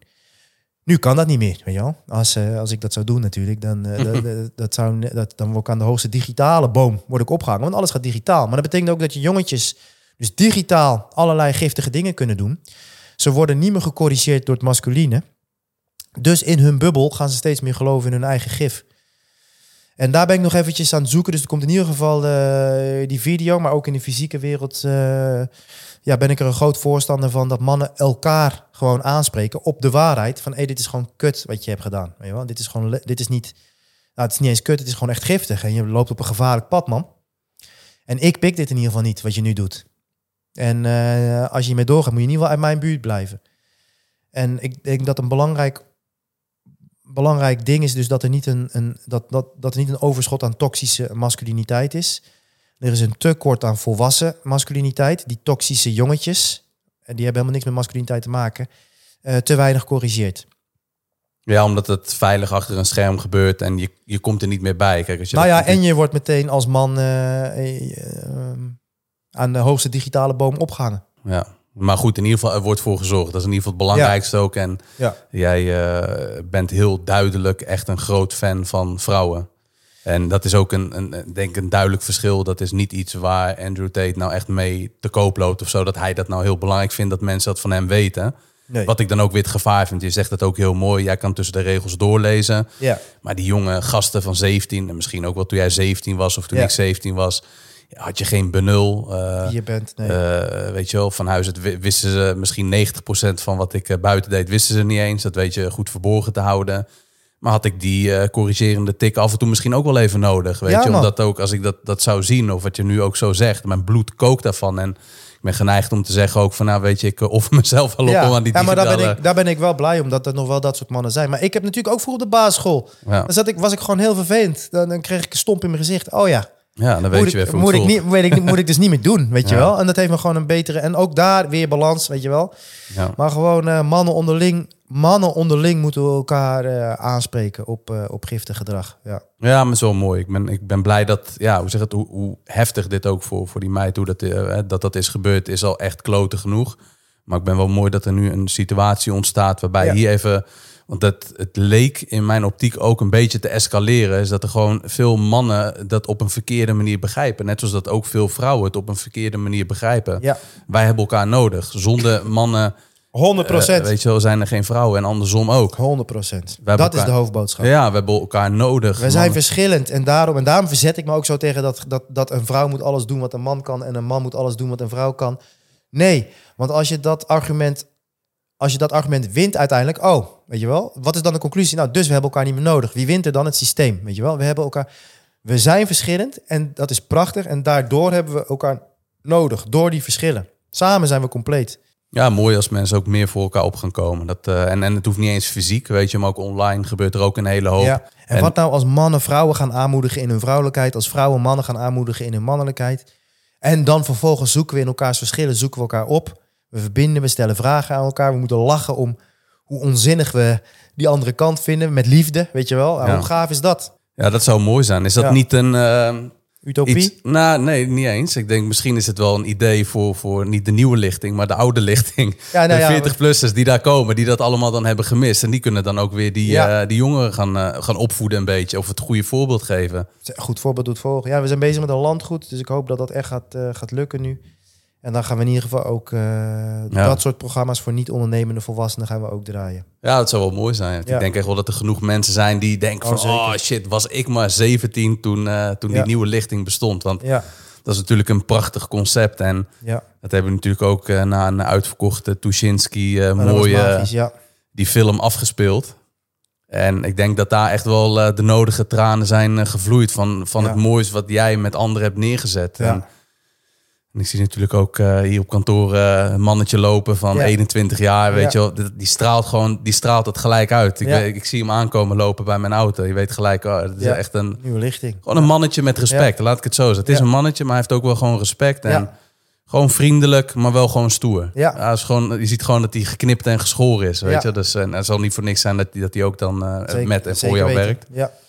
Maar dat is wel echt heel mooi. Want wat, dat zijn natuurlijk dingen die jij bent gestart. De nieuwe lichting. Ehm, een soort opleiding van... Hoe lang duurt het ongeveer? Drie maanden nu.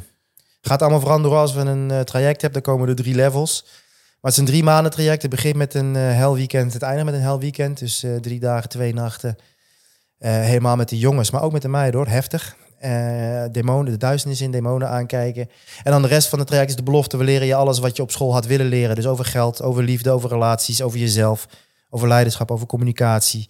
Emoties. Emoties, uh, alles. Uh, ja, gewoon om, om, een, om jezelf beter te leren begrijpen, de wereld beter te leren begrijpen. Om de switch te kunnen maken van op, altijd maar op kracht en vastberadenheid en, en verbeter masculine energie door het leven te gaan. En veel meer op souplesse door het leven te gaan. Als je eenmaal snapt hoe geld werkt, hoe liefde werkt, hoe, hoe jij werkt, ja. hoe de wereld werkt, ja, dan, dan ga je veel soepeler door het leven. Want het is dan drie maanden bijvoorbeeld elk weekend? Elk, uh, nee, dus het begint en eindigt met een driedaagse. En dan daartussendoor elke vrijdag of elke zaterdag hangt af van, uh, van ja, precies, de meiden. We scheiden de jongens en de meiden. Ze doen allebei alles. Dus de jongens gaan dansen en vechten en de meiden ook. Om even twee dingen te noemen. Uh, en dan dansen en vechten, even metafoor. Letterlijk hoor, ze gaan allebei letterlijk dansen en vechten. Maar metafoor ook voor de rest. Alleen bij de meiden meer dansen en bij de jongens meer ja. vechten. Ehm, de meiden leren van alles over hormoon, hormoonhuishouding, over hun cyclus. Wat het, uh, hoeveel gif er in hun verzorgingsproducten zitten, in de pil, uh, nou, enzovoort. Ze leren hun lijf gewoon veel beter kennen. Hebben fantastische mensen voor, zoals uh, Iris de Goede. Ontzettend dankbaar dat zij gewoon prachtige vrouwen. Ik probeer ook meerdere vrouwelijke rolmodellen voor die club meiden en ook voor de jongens te doen. Dus meiden, vrouwen die vol in hun feminine energie zitten. En tegelijkertijd zo'n prachtige dingen voor elkaar krijgen. Of als ondernemer of op een, op een, eh, op een andere manier. En aan het einde brengen we die uh, groepen natuurlijk ook met elkaar in verbinding. En dat leidt natuurlijk meteen tot, uh, tot allerlei dates en, uh, en, en, fantastische, ja, fantastische connecties voor het leven. Dus dat zie je zowel bij die meiden onderling als bij de jongens onderling. Ja, die blijven met elkaar ja, broederschap, sisterhood. Iets wat dus ook ontbreekt. Ja, dat is onbetaalbaar om dat, om dat, om dat te zien. En dat geeft ontzettend veel zingeving. En als we zo meteen het landgoed hebben, dan hebben we gewoon drie levels. Dan is level 1 een driedaagse. Mm dan mag je bewijzen, dan kan je naar level 2. Die zal een meerdaagse zijn. En dan level 3 weer een meerdaagse. En waar moet je aan voldoen om uh, geselecteerd te worden? Ik zie wel dat er best wel wat jongens en meiden op afkomen. Niet iedereen haalt het dus. Nee, de helft haalt de selectie niet. En wij selecteren uh, vooral op, op coachbaarheid. Kijk, het is nogal wat. De waarheid. Hè? Kijk, mm de ondernemers waarmee ik werk, die komen naar mij toe en die weten, weten waarvoor ze me betalen. Voor de, voor de waarheid die ik zie. Ik zie ook maar een klein stukje van de waarheid, maar ik mhm. geef hem wel keihard.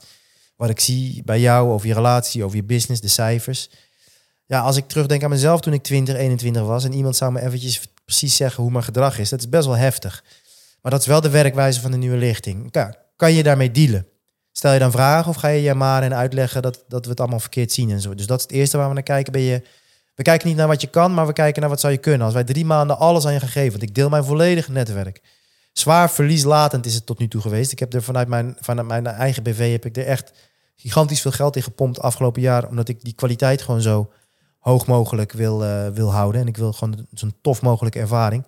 Aankomend weekend hebben we weer een startweekend met de jongens. Ja, dat ik vind, weet je, dan gaan we naar, naar een van de eilanden toe met allemaal van die speedboten. En ik wil, het is zo'n avontuur voor die, nou je hebt de film gezien, voor die jongens. Dus we kijken van, als wij dat allemaal aan jou gaan geven, is er dan ook echt een transformatie uh, in zo'n korte tijd? Want het is gewoon een korte tijd. Uh, dat is één. En twee, kijken we wel ook, en dat is soms best wel treurig, nou, dat is eigenlijk dezelfde vraag, van ja, wat is, wat is je startpositie nu?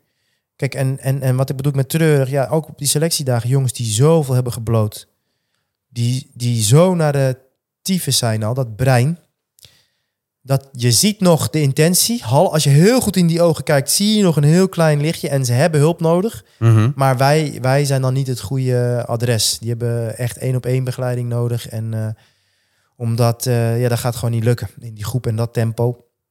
Dus daar kijken we naar. Waar ben je nu? En waar zouden we je naartoe kunnen brengen? In, uh, in, kan je ontvangen? Dat is wel, wel hard ook en begrijpelijk. Ja. Maar die jongens die het hardst nodig hebben, die redden het eigenlijk niet. Dat zeg je prachtig treurig. En dat is het. Ja, we hadden, ja, ja ook op de ene laatste selectiedag een gozer die komt dan aanlopen. En we begonnen hier verderop bij uh, Rebel CrossFit 020, bij Erwin. En die komt aanlopen met een peuk in zijn bek en een, en een zak, uh, zak brood. Had die, uh, zo, en en ook gewoon die kleding. Het was allemaal... En, al, en laat was hij ook nog. Hij was niet te laat, maar hij was wel als een van de laatste. En die peuk die gooit hij dan voor de deur zo op de grond. En nou, zo kwam hij al binnen. Echt een, een gozer met heel veel potentie, maar wel heel veel was hem gegeven, zeg maar. Weet je wel? Dus... Mm -hmm. dus Terwijl er was bijvoorbeeld een andere jongen, dat is weer zo'n verhaal, die kwam vanuit niks, weet je wel. Die heeft echt eh, uit armoede en die heeft... En die was er als eerste, stond er strak bij, keek helder uit zijn ogen. Die stond echt in de, in de startblokken. Nou, aan het einde van die dag, die, die gozer met die peuk en dat brood, nou, besproken van, nou, oké, we laten je naar het uh, startweekend toekomen, maar je zit op de wipstoel, weet je wel. Dat besproken, wat vind je er zelf van? Dat je, dat je naar de nieuwe lichting aankomt lopen met een checkie en een, en een zak brood uh, enzovoort. Ja, ja, was allemaal niet goed. Nou, je krijgt voor nu het voordeel van de twijfel, maar weet, we houden je in de gaten tijdens het, uh, het startweekend. Je moet wel willen, weet je wel. Oké, en wij, wij ruimen daar de zaal op en we lopen naar buiten. staat hij buiten bij de ingang, bij die andere sportschool waar wij geëindigd waren, staat hij staat hij te roken. uh, en tegen die jongen hebben we dus gezegd, nou, bij de, alsnog dus niet, weet je wel. En, en, uh, en inderdaad, misschien had hij het wel het meeste nodig. Maar dat gaat hem gewoon niet worden in dat groepstraject. En, en sterker nog, hij gaat dan ook een rem worden voor de andere jongens. Um, dus ik krijg ook vader van het is hartstikke duur. En hey, voor. Wat kost het? 6k. 6k kost het nu. Voor 17-jarigen? voor 17... Tussen 17 en 24. Dus het wordt betaald oh, okay. door de ouders. Ja, ja. En sommige jongens betalen het zelf. En nogmaals, dus gemiddeld denk ik dat we tot nu toe minstens 12k per deelnemer erin hebben gepompt dus van de, de 6K hebben we bijna verdubbeld om uh, ze te kunnen geven wat we ze, wat we ze geven. En dat is onze eigen keuze hoor. En dat is ook helemaal, helemaal prima in de eerste anderhalf jaar. Uh, maar tegelijkertijd heb ik gezien, bijvoorbeeld bij die, jongen, bij die jongens. Ik, ik, kijk, ik zelf geef mijn tijd aan een stichting voor kids die, die niks hebben. Mm -hmm. En dat doe ik lekker achter de schermen. Uh, en deze kids zie ik fucking veel leed. Dus de, de, de jongens waar iedereen naar kijkt, oh, daar gaat het wel goed mee. Ondertussen uh, alcoholmisbruik of een, uh, een bipolaire vader of moeder. Zwaar aan de harddrugs, al jaren verslaafd. Zwaar verslaafd aan de hoeren, aan, uh, aan gewoon heel veel ellende. En iedereen, oh ja, maar met hem gaat het goed. Hij doet netjes de HAVO of hij studeert en hij heeft twee ouders, dus dat is goed. Ja, waar gaat die jongen dan naartoe? Nou, daarvoor is onder andere de nieuwe lichting. En trouwens ook gewoon de jongen waar het gewoon hartstikke goed mee gaat. Maar die merkt, ik pas niet, ik, ga, ik wil niet doorstuderen. Ik mhm. wil, uh, en wat nu al in mijn netwerk, al sinds een half jaar, al die ondernemers vragen, Tibor, heb je er weer eentje voor me, weet je wel? Eentje die een topper uit de nieuwe lichting. Want ik heb een baantje. Oh, dat, is dat begint als werkplek en uh, ja, dat kan zich, uh, kan zich ontwikkelen. Ja, dat is de doelgroep waar wij ons nu op, op richten. Alles kan, alles heeft een prijs. Alles gratis doen komt met een hele grote prijs. Of iets heel goedkoop maken. Ja, precies. Niet alleen financieel. Ja, nee, precies. Dat komt met een hele andere prijs. Met, met kwaliteit en met effectiviteit bijvoorbeeld. En wij hebben gewoon gekozen, wij willen het aller, allervetste programma en beste programma wat je maar kan verzinnen voor een 20-jarige, dat willen we maken. Nou, dat hebben we gemaakt. Nou, dat kost 12k, daar vragen we 6k voor. En vanaf daar gaan we, gaan we werken. Als we een land landgoed hebben, dan gaan onze kosten flink naar beneden. Kunnen we ook veel meer draaien. En uh, kunnen we ook naar die prijzen kijken. Maar voor nu is dit het. Ja, en het is fantastisch. Als je ziet, als je letterlijk ziet, een jongen die ook in de doken zit, Isaac, die binnenkomt, het leven eigenlijk niet meer zo heel erg ziet zitten. 50 uur per week gamet, minimaal. Werkloos is, niet traint, ontzettend onzeker is. Ontzettend zuivere gast. Zo'n zuivere gast. En dan, als je dan kijkt, een paar maanden later, traint vijf keer in de week Braziliaanse Jiu-Jitsu. Traint drie keer in de week CrossFit. Is gaan werken. Heeft geen tijd meer om te gamen. Uh, had zijn computer ook ingeleverd tijdens het traject heeft broeders voor, voor de rest van het leven, durft met hun dingen te delen die die met niemand durfde te delen. En uh, dat is zo fucking onbetaalbaar om dat te zien. Hetzelfde zie ik bij de meiden. Daar ben ik dus heel erg van geschrokken als, als, als man. Hoeveel seksueel misbruik, hoeveel trauma er bij die jonge meiden al is. En hoeveel in isolement vooral. En dat die dan sisterhood hebben, dat die dan zusjes, in één keer twintig zusjes erbij hebben waar ze alles, en natuurlijk met de een hebben ze een grotere klik dan met de ander, maar waar ze alles mee kunnen delen. Uh, niet meer in hun, in hun eentje gaan lopen malen, maar dat kunnen, kunnen delen met anderen. Ja, dat is onbetaalbaar ook wat je voor transformaties daar ziet. Ja, bizar hè, wat je dan in één keer allemaal onder ogen. En ik kan me voorstellen voor jou ook los van hoeveel energie en geld en tijd dat allemaal kost.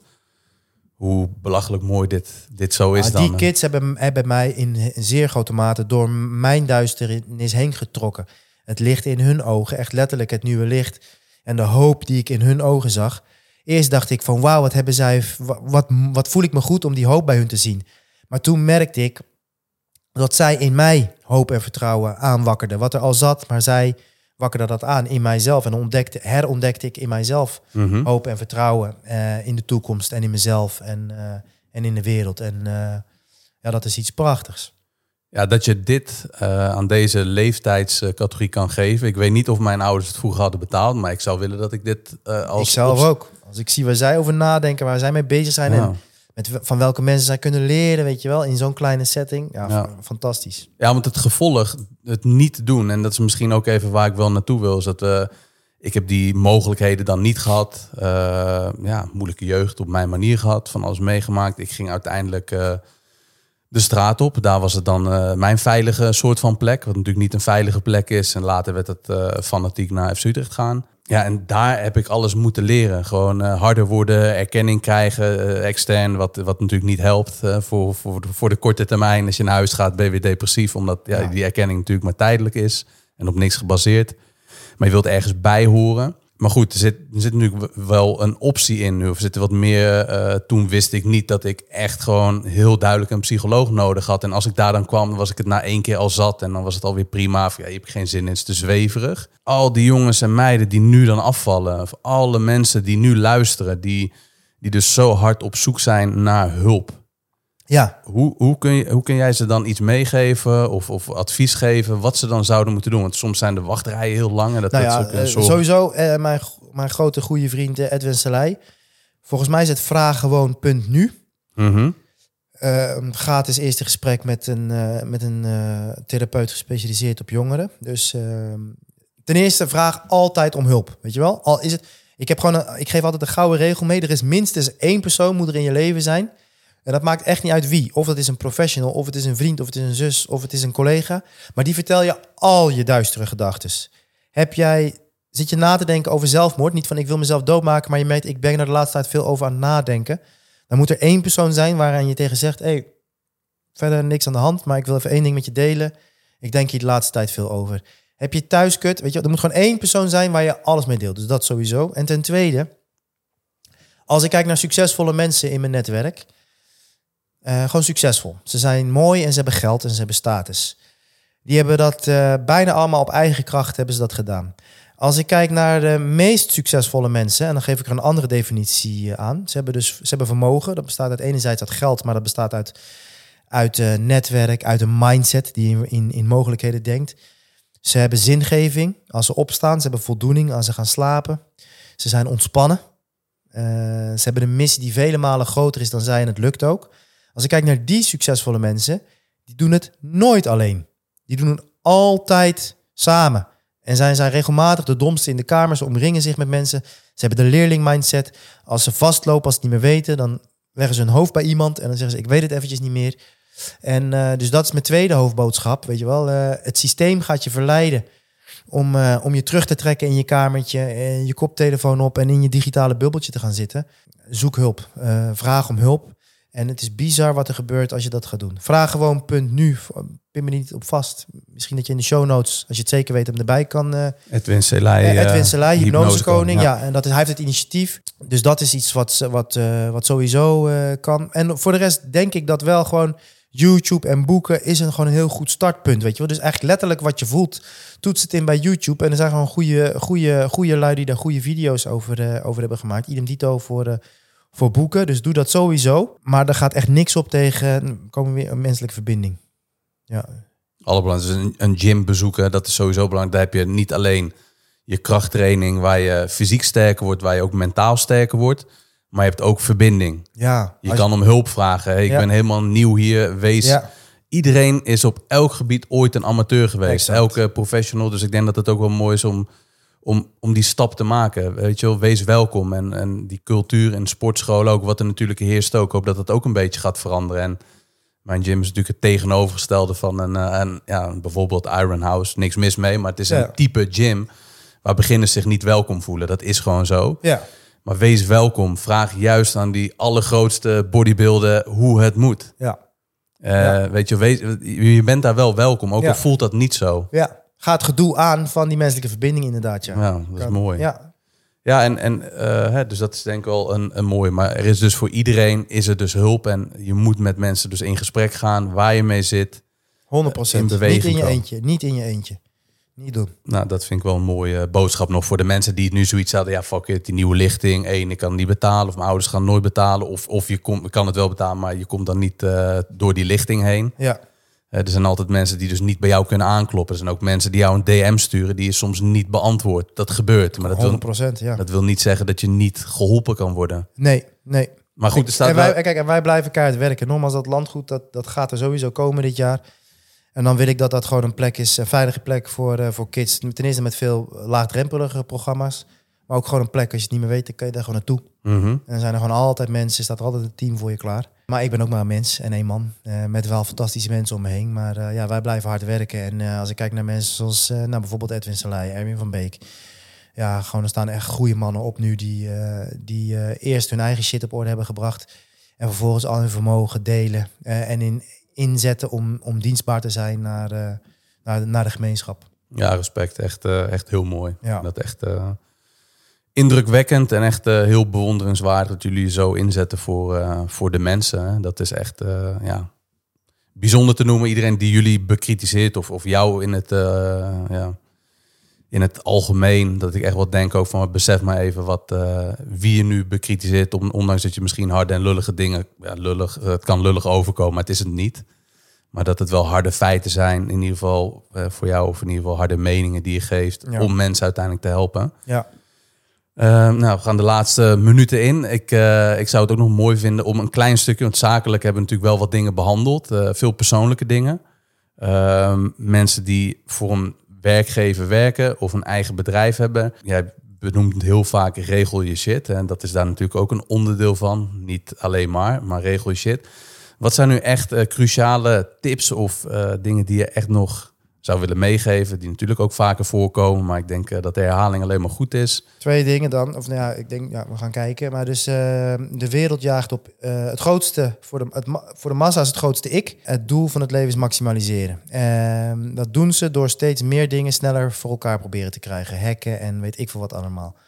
Wat ik je zou willen aanreiken is ga voor minder en beter. Dus minder connecties, betere relaties, minder omzet, veel betere winst. Minder klanten, betere klanten, minder aanbod, beter aanbod. Um, dus minder en beter. Minder betekent weer kiezen. Kiezen is verliezen. Kiezen is nee zeggen. Elke sukkel, dus ook om weer terug te komen op relaties en monogamie. Elke sukkel kan ja zeggen aan het altaar. Ja, dat is goed, dat beloof ik. Voor de rest van mijn leven ben ik trouw. Steeds minder mensen kunnen daarna de rest van hun leven nee zeggen tegen alle andere verleidingen en opties. Dus kiezen is één keertje ja zeggen, dat is makkelijk, maar kan je daarna een miljoen keer nee zeggen. Dus als ondernemer kiezen. Eén doelgroep, één probleem, één onderscheidend vermogen, één steengoed kernproduct. En begin daar nou eens mee. Zorg dat je daarheen, daar kan je zo'n bedrijf mee bouwen van ja, tonnen, miljoenen. Ik noem vaak het voorbeeld van Veerle van Stapelen hier in Amsterdam met een Van Stapelen koekje. Je kan daar één fucking koekje kopen oh, in het steegje van de Spuistraat. Het Van Stapelen koekje kost 2,30 euro. Wil je er twee, kost het 4,60 euro, weet je wel? er is geen glutenvrije variant opdonderen. Er is geen vegan variant opdonderen. Er is één koekje, dat is het beste chocoladekoekje dat er bestaat. En voor de mensen die dat uh, uh, met, met mij eens zijn, die, die staan er elke dag in de rij. Ze hebben een vaste openingstijd. Ze hebben geen sluitingstijd, want ze gaan dicht zodra ze uitverkocht zijn. En dat zijn ze elke dag al vrij, uh, vrij snel.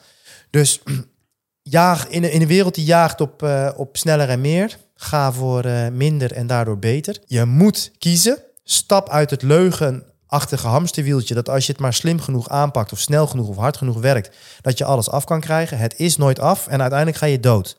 Dus als je dat nou omarmt en weet, dan kan je beseffen: oké, het is nooit af en dan ga ik dood. Dus ik ga kiezen wat ertoe doet.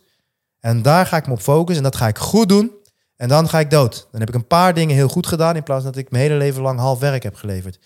Dus dat is zeg maar de, de grote paraplu.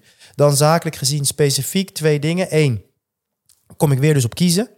Dus werk met de kleinst mogelijke doelgroep. Dus het beste zou een doelgroep van één zijn. Want voor één iemand, voor één klant, kan jij jouw product of dienst helemaal op maat maken. Dat het, ja, diegene zegt, wow, dit lijkt wel voor mij gemaakt. Ja, klopt, weet je wel. Hm. Als je voor twee personen al precies hetzelfde product of dienst op maat moet maken, halveert niet het gevoel van maatwerk, maar dat wordt zelfs meer, meer dan gehalveerd. Dus hoe groter jouw doelgroep, des te minder je relevant je wordt. En we leven in een wereld waar het niet meer gaat om bereik, het gaat om relevantie.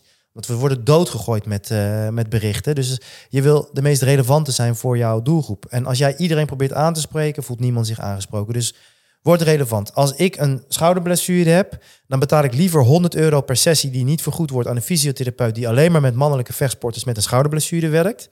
Dan dat ik naar een fysiopraktijk ga, die wordt vergoed uh, helemaal. En daarna betaal ik uh, eh, 17 euro per zitting. En die werkt met kinderen en met ouderen en met uh, herstellende van kanker. En met, weet je wel, dan ga ik liever naar die buurman die 100 piek vraagt en zegt: Ik werk alleen maar met mannelijke uh, vechtsporters met een schouderblessure.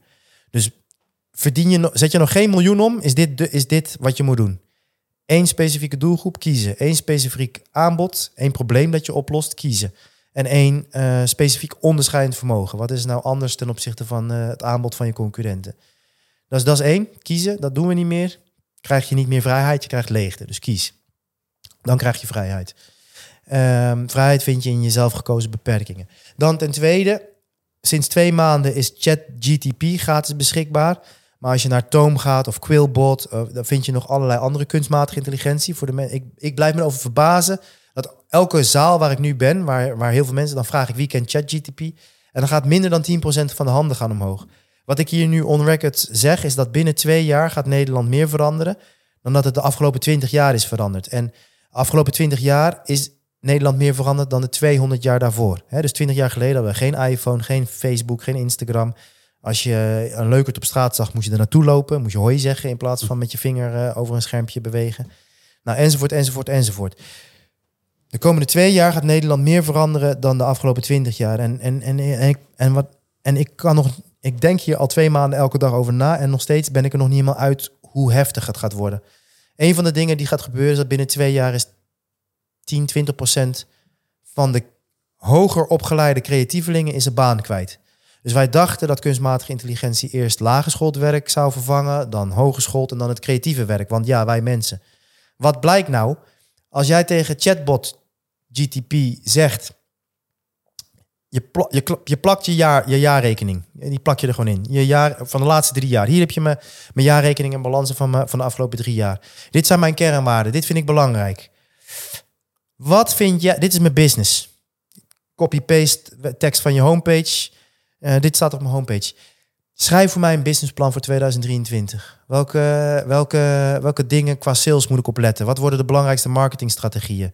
Wat bij mij past, alsjeblieft. En binnen 15 seconden heb jij kippenvel. Want dan komt daar een businessplan uit. Wat, wat ik misschien ook voor je had kunnen schrijven. Alleen ik had er een maand over gedaan. Snap je? En, uh, misschien, en waarschijnlijk was het dan niet zo goed geweest als, als, als ChatGTP. Want daar zit kunstmatige intelligentie uh, achter. Dat ga je niet doen. Maar als je dan vervolgens zegt, wauw, wauw wat een goeie, goed plan. Ten eerste kan je hier even vijf goede blogposts van maken, inclusief afbeeldingen. Frrt.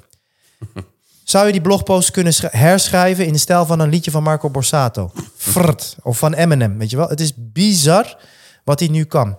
Ik zit trouwens ook aan te passen op dit aanbod. Wat jij net zegt, wil ik op mijn homepage zetten. Kan je me de HTML-code geven, zodat ik dit meteen als pakketten op mijn homepage eh, kan zetten? Boom, met een knopje erbij, copy code. Je copiet, je plakt het op je op WordPress-websiteje. Boef, en dan staat het. Zou je het, Tibo.nl, zou er een beetje een militair tintje overheen kunnen gooien, over de code? Nieuwe code, militair tintje. Het is niet te bevatten. En ik denk dat ik nu nog hele domme vragen stel aan, aan ChatGTP. Maar alles wat ik net zeg, heb ik aan ChatGTP gevraagd en komt er, komt er dus gewoon uit. Heb je dit getest ook? Ja, ja, ja letterlijk. Dus dit is echt alarm fase 1 voor websitebouwers. Copywriters, marketeers, computerprogrammeurs. En nu heb je echt nog de copywriter en de codeur nodig om, om dingen na te lopen. En het gaat. Maar als jij een beetje code weet, of je kan een beetje copywriten, heb je het nu al, heb je ze al nu niet meer nodig. Uh, en, en, en die kunstmatige intelligentie wordt niet elke dag een beetje beter, die wordt elke dag exponentieel veel beter. Dus de creatievelingen zijn zo meteen, uh, maar ook de business coaches. Ja, weet je wel, uh, wat voor werk hebben wij, hebben wij nog? En mensen drinken, blijven te lang hangen. Nee, dat gaat, nee, weet je wel, ik, ik die snappen niet hoe fucking slim kunstmatige intelligentie is. Dus mijn eerste grote boodschap aan ondernemers is kies. Mhm. Denk niet aan bereik, maar denk aan relevantie. Liever dat je de wereld bent met jouw bedrijf voor, voor duizend mensen, dan dat je een bereik hebt van een miljoen mensen. Dus dat is één. En twee, alles wat jij doet met je bedrijf nu, kan kunstmatige intelligentie in ieder geval binnen anderhalf jaar extreem veel sneller, beter en extreem veel goedkoper dan jij. Dus jouw enige concurrentievoordeel is menselijke verbinding. Mhm. Dus besef, je bent op dit moment geen, je, hebt je zit niet in de business van PT-studio, je zit niet in de business van marketing, je zit niet in de business van fysiotherapie, je zit in de business van menselijke verbinding. En kijk naar je businessmodel, kijk naar je klant uh, journey, je customer journey, je klantervaring. Kijk naar hoe je met je personeel omgaat. Je zit in de business van de menselijke verbinding. Is dat geborgd nu in je klantreis, in je medewerkersreis, in, in je aanbod? Uh, want als je dat er niet in borgt, ben je binnen anderhalf, twee jaar uitgespeeld. Dus om daarmee af te sluiten als voorbeeld, toen, toen na de pandemie uh, je bij de Jumbo uh, weer zonder QR-code naar binnen mocht. Ik heb, ik ben, uh, ik, heb geweigerd om, om aan dat spel mee, te, mee te doen. En dat was ook wel een, een interessante reis voor mezelf. In het begin ging ik elke keer zonder mondkap naar binnen. En dan elke keer dat gezeik. Ehm, elke keer dat gezeik. En op een gegeven moment merk, betrapte ik mezelf er ook op. Ik had gewoon geen zin in elke keer dat gezeik. Dus toen ging ik boodschappen bij eh, online bestellen bij Crisp. Maar in ieder geval op een gegeven moment kon je er weer zonder gezeik uh, naar binnen lopen. Dus ik ging naar binnen. Ik zag dat de helft van de cashiers uh, was uh, verdwenen in ruil voor zelfscankassa's. Ik dacht, ik ga bij die mens in de rij staan. Weet je wel? En ik kwam aan de, en dat ging langzamer. Zelfscankassa's. er zijn geloof ik bij mijn. Ik heb een hele grote jumbo hier in Noord mij zijn er nog vier kassa's en ik denk echt een stuk of twintig zelfscankassa's. Dus ik ga bij die vrouw in staan. Ik word niet aangekeken, niet begroet. Uh, totaal geen menselijke verbinding. Dus daar heb ik een besluit genomen. Ik wist dat die kassa was beter en sneller dan deze mens. Maar ik koos voor de menselijke verbinding. Die krijg ik niet bij jou. Nou, dan ben ik dus voortaan, sta ik niet meer bij jou in de rij. En uh, na corona waren er geloof ik nog zes kassa's. En je ziet dus ook afgelopen jaar zijn er weer twee verdwenen. En bij iedereen die dus niet beseft dat je zit in de business van de je bent geen cashier, je zit in de business van de menselijke verbinding. Je bent geen conciërge, je zit in de business van de menselijke verbinding. iedereen die dat niet beseft, die is binnen no time uitgespeeld. Dus kijk naar je businessmodel, hoe kan jij meer menselijke verbinding uh, in, inbouwen? En alsjeblieft, kijk naar ChatGTP en alle andere kunstmatige intelligentie, zoals Jasper en Toom, om, om er een paar maar te noemen. Uh, benut het, maar beheers het. Net als dat de, smartphone ons heel veel heeft gebracht, maar de meeste mensen beheersen het niet, dus zij worden beheerst door een smartphone. Kunstmatige intelligentie, je kan niet je kop in het zand steken.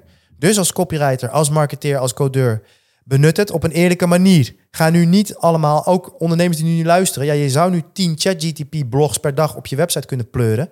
Nou, geloof me, dat gaat je keihard, gaat dat als een boemerang terugkomen in je gezicht. Dus doe het niet.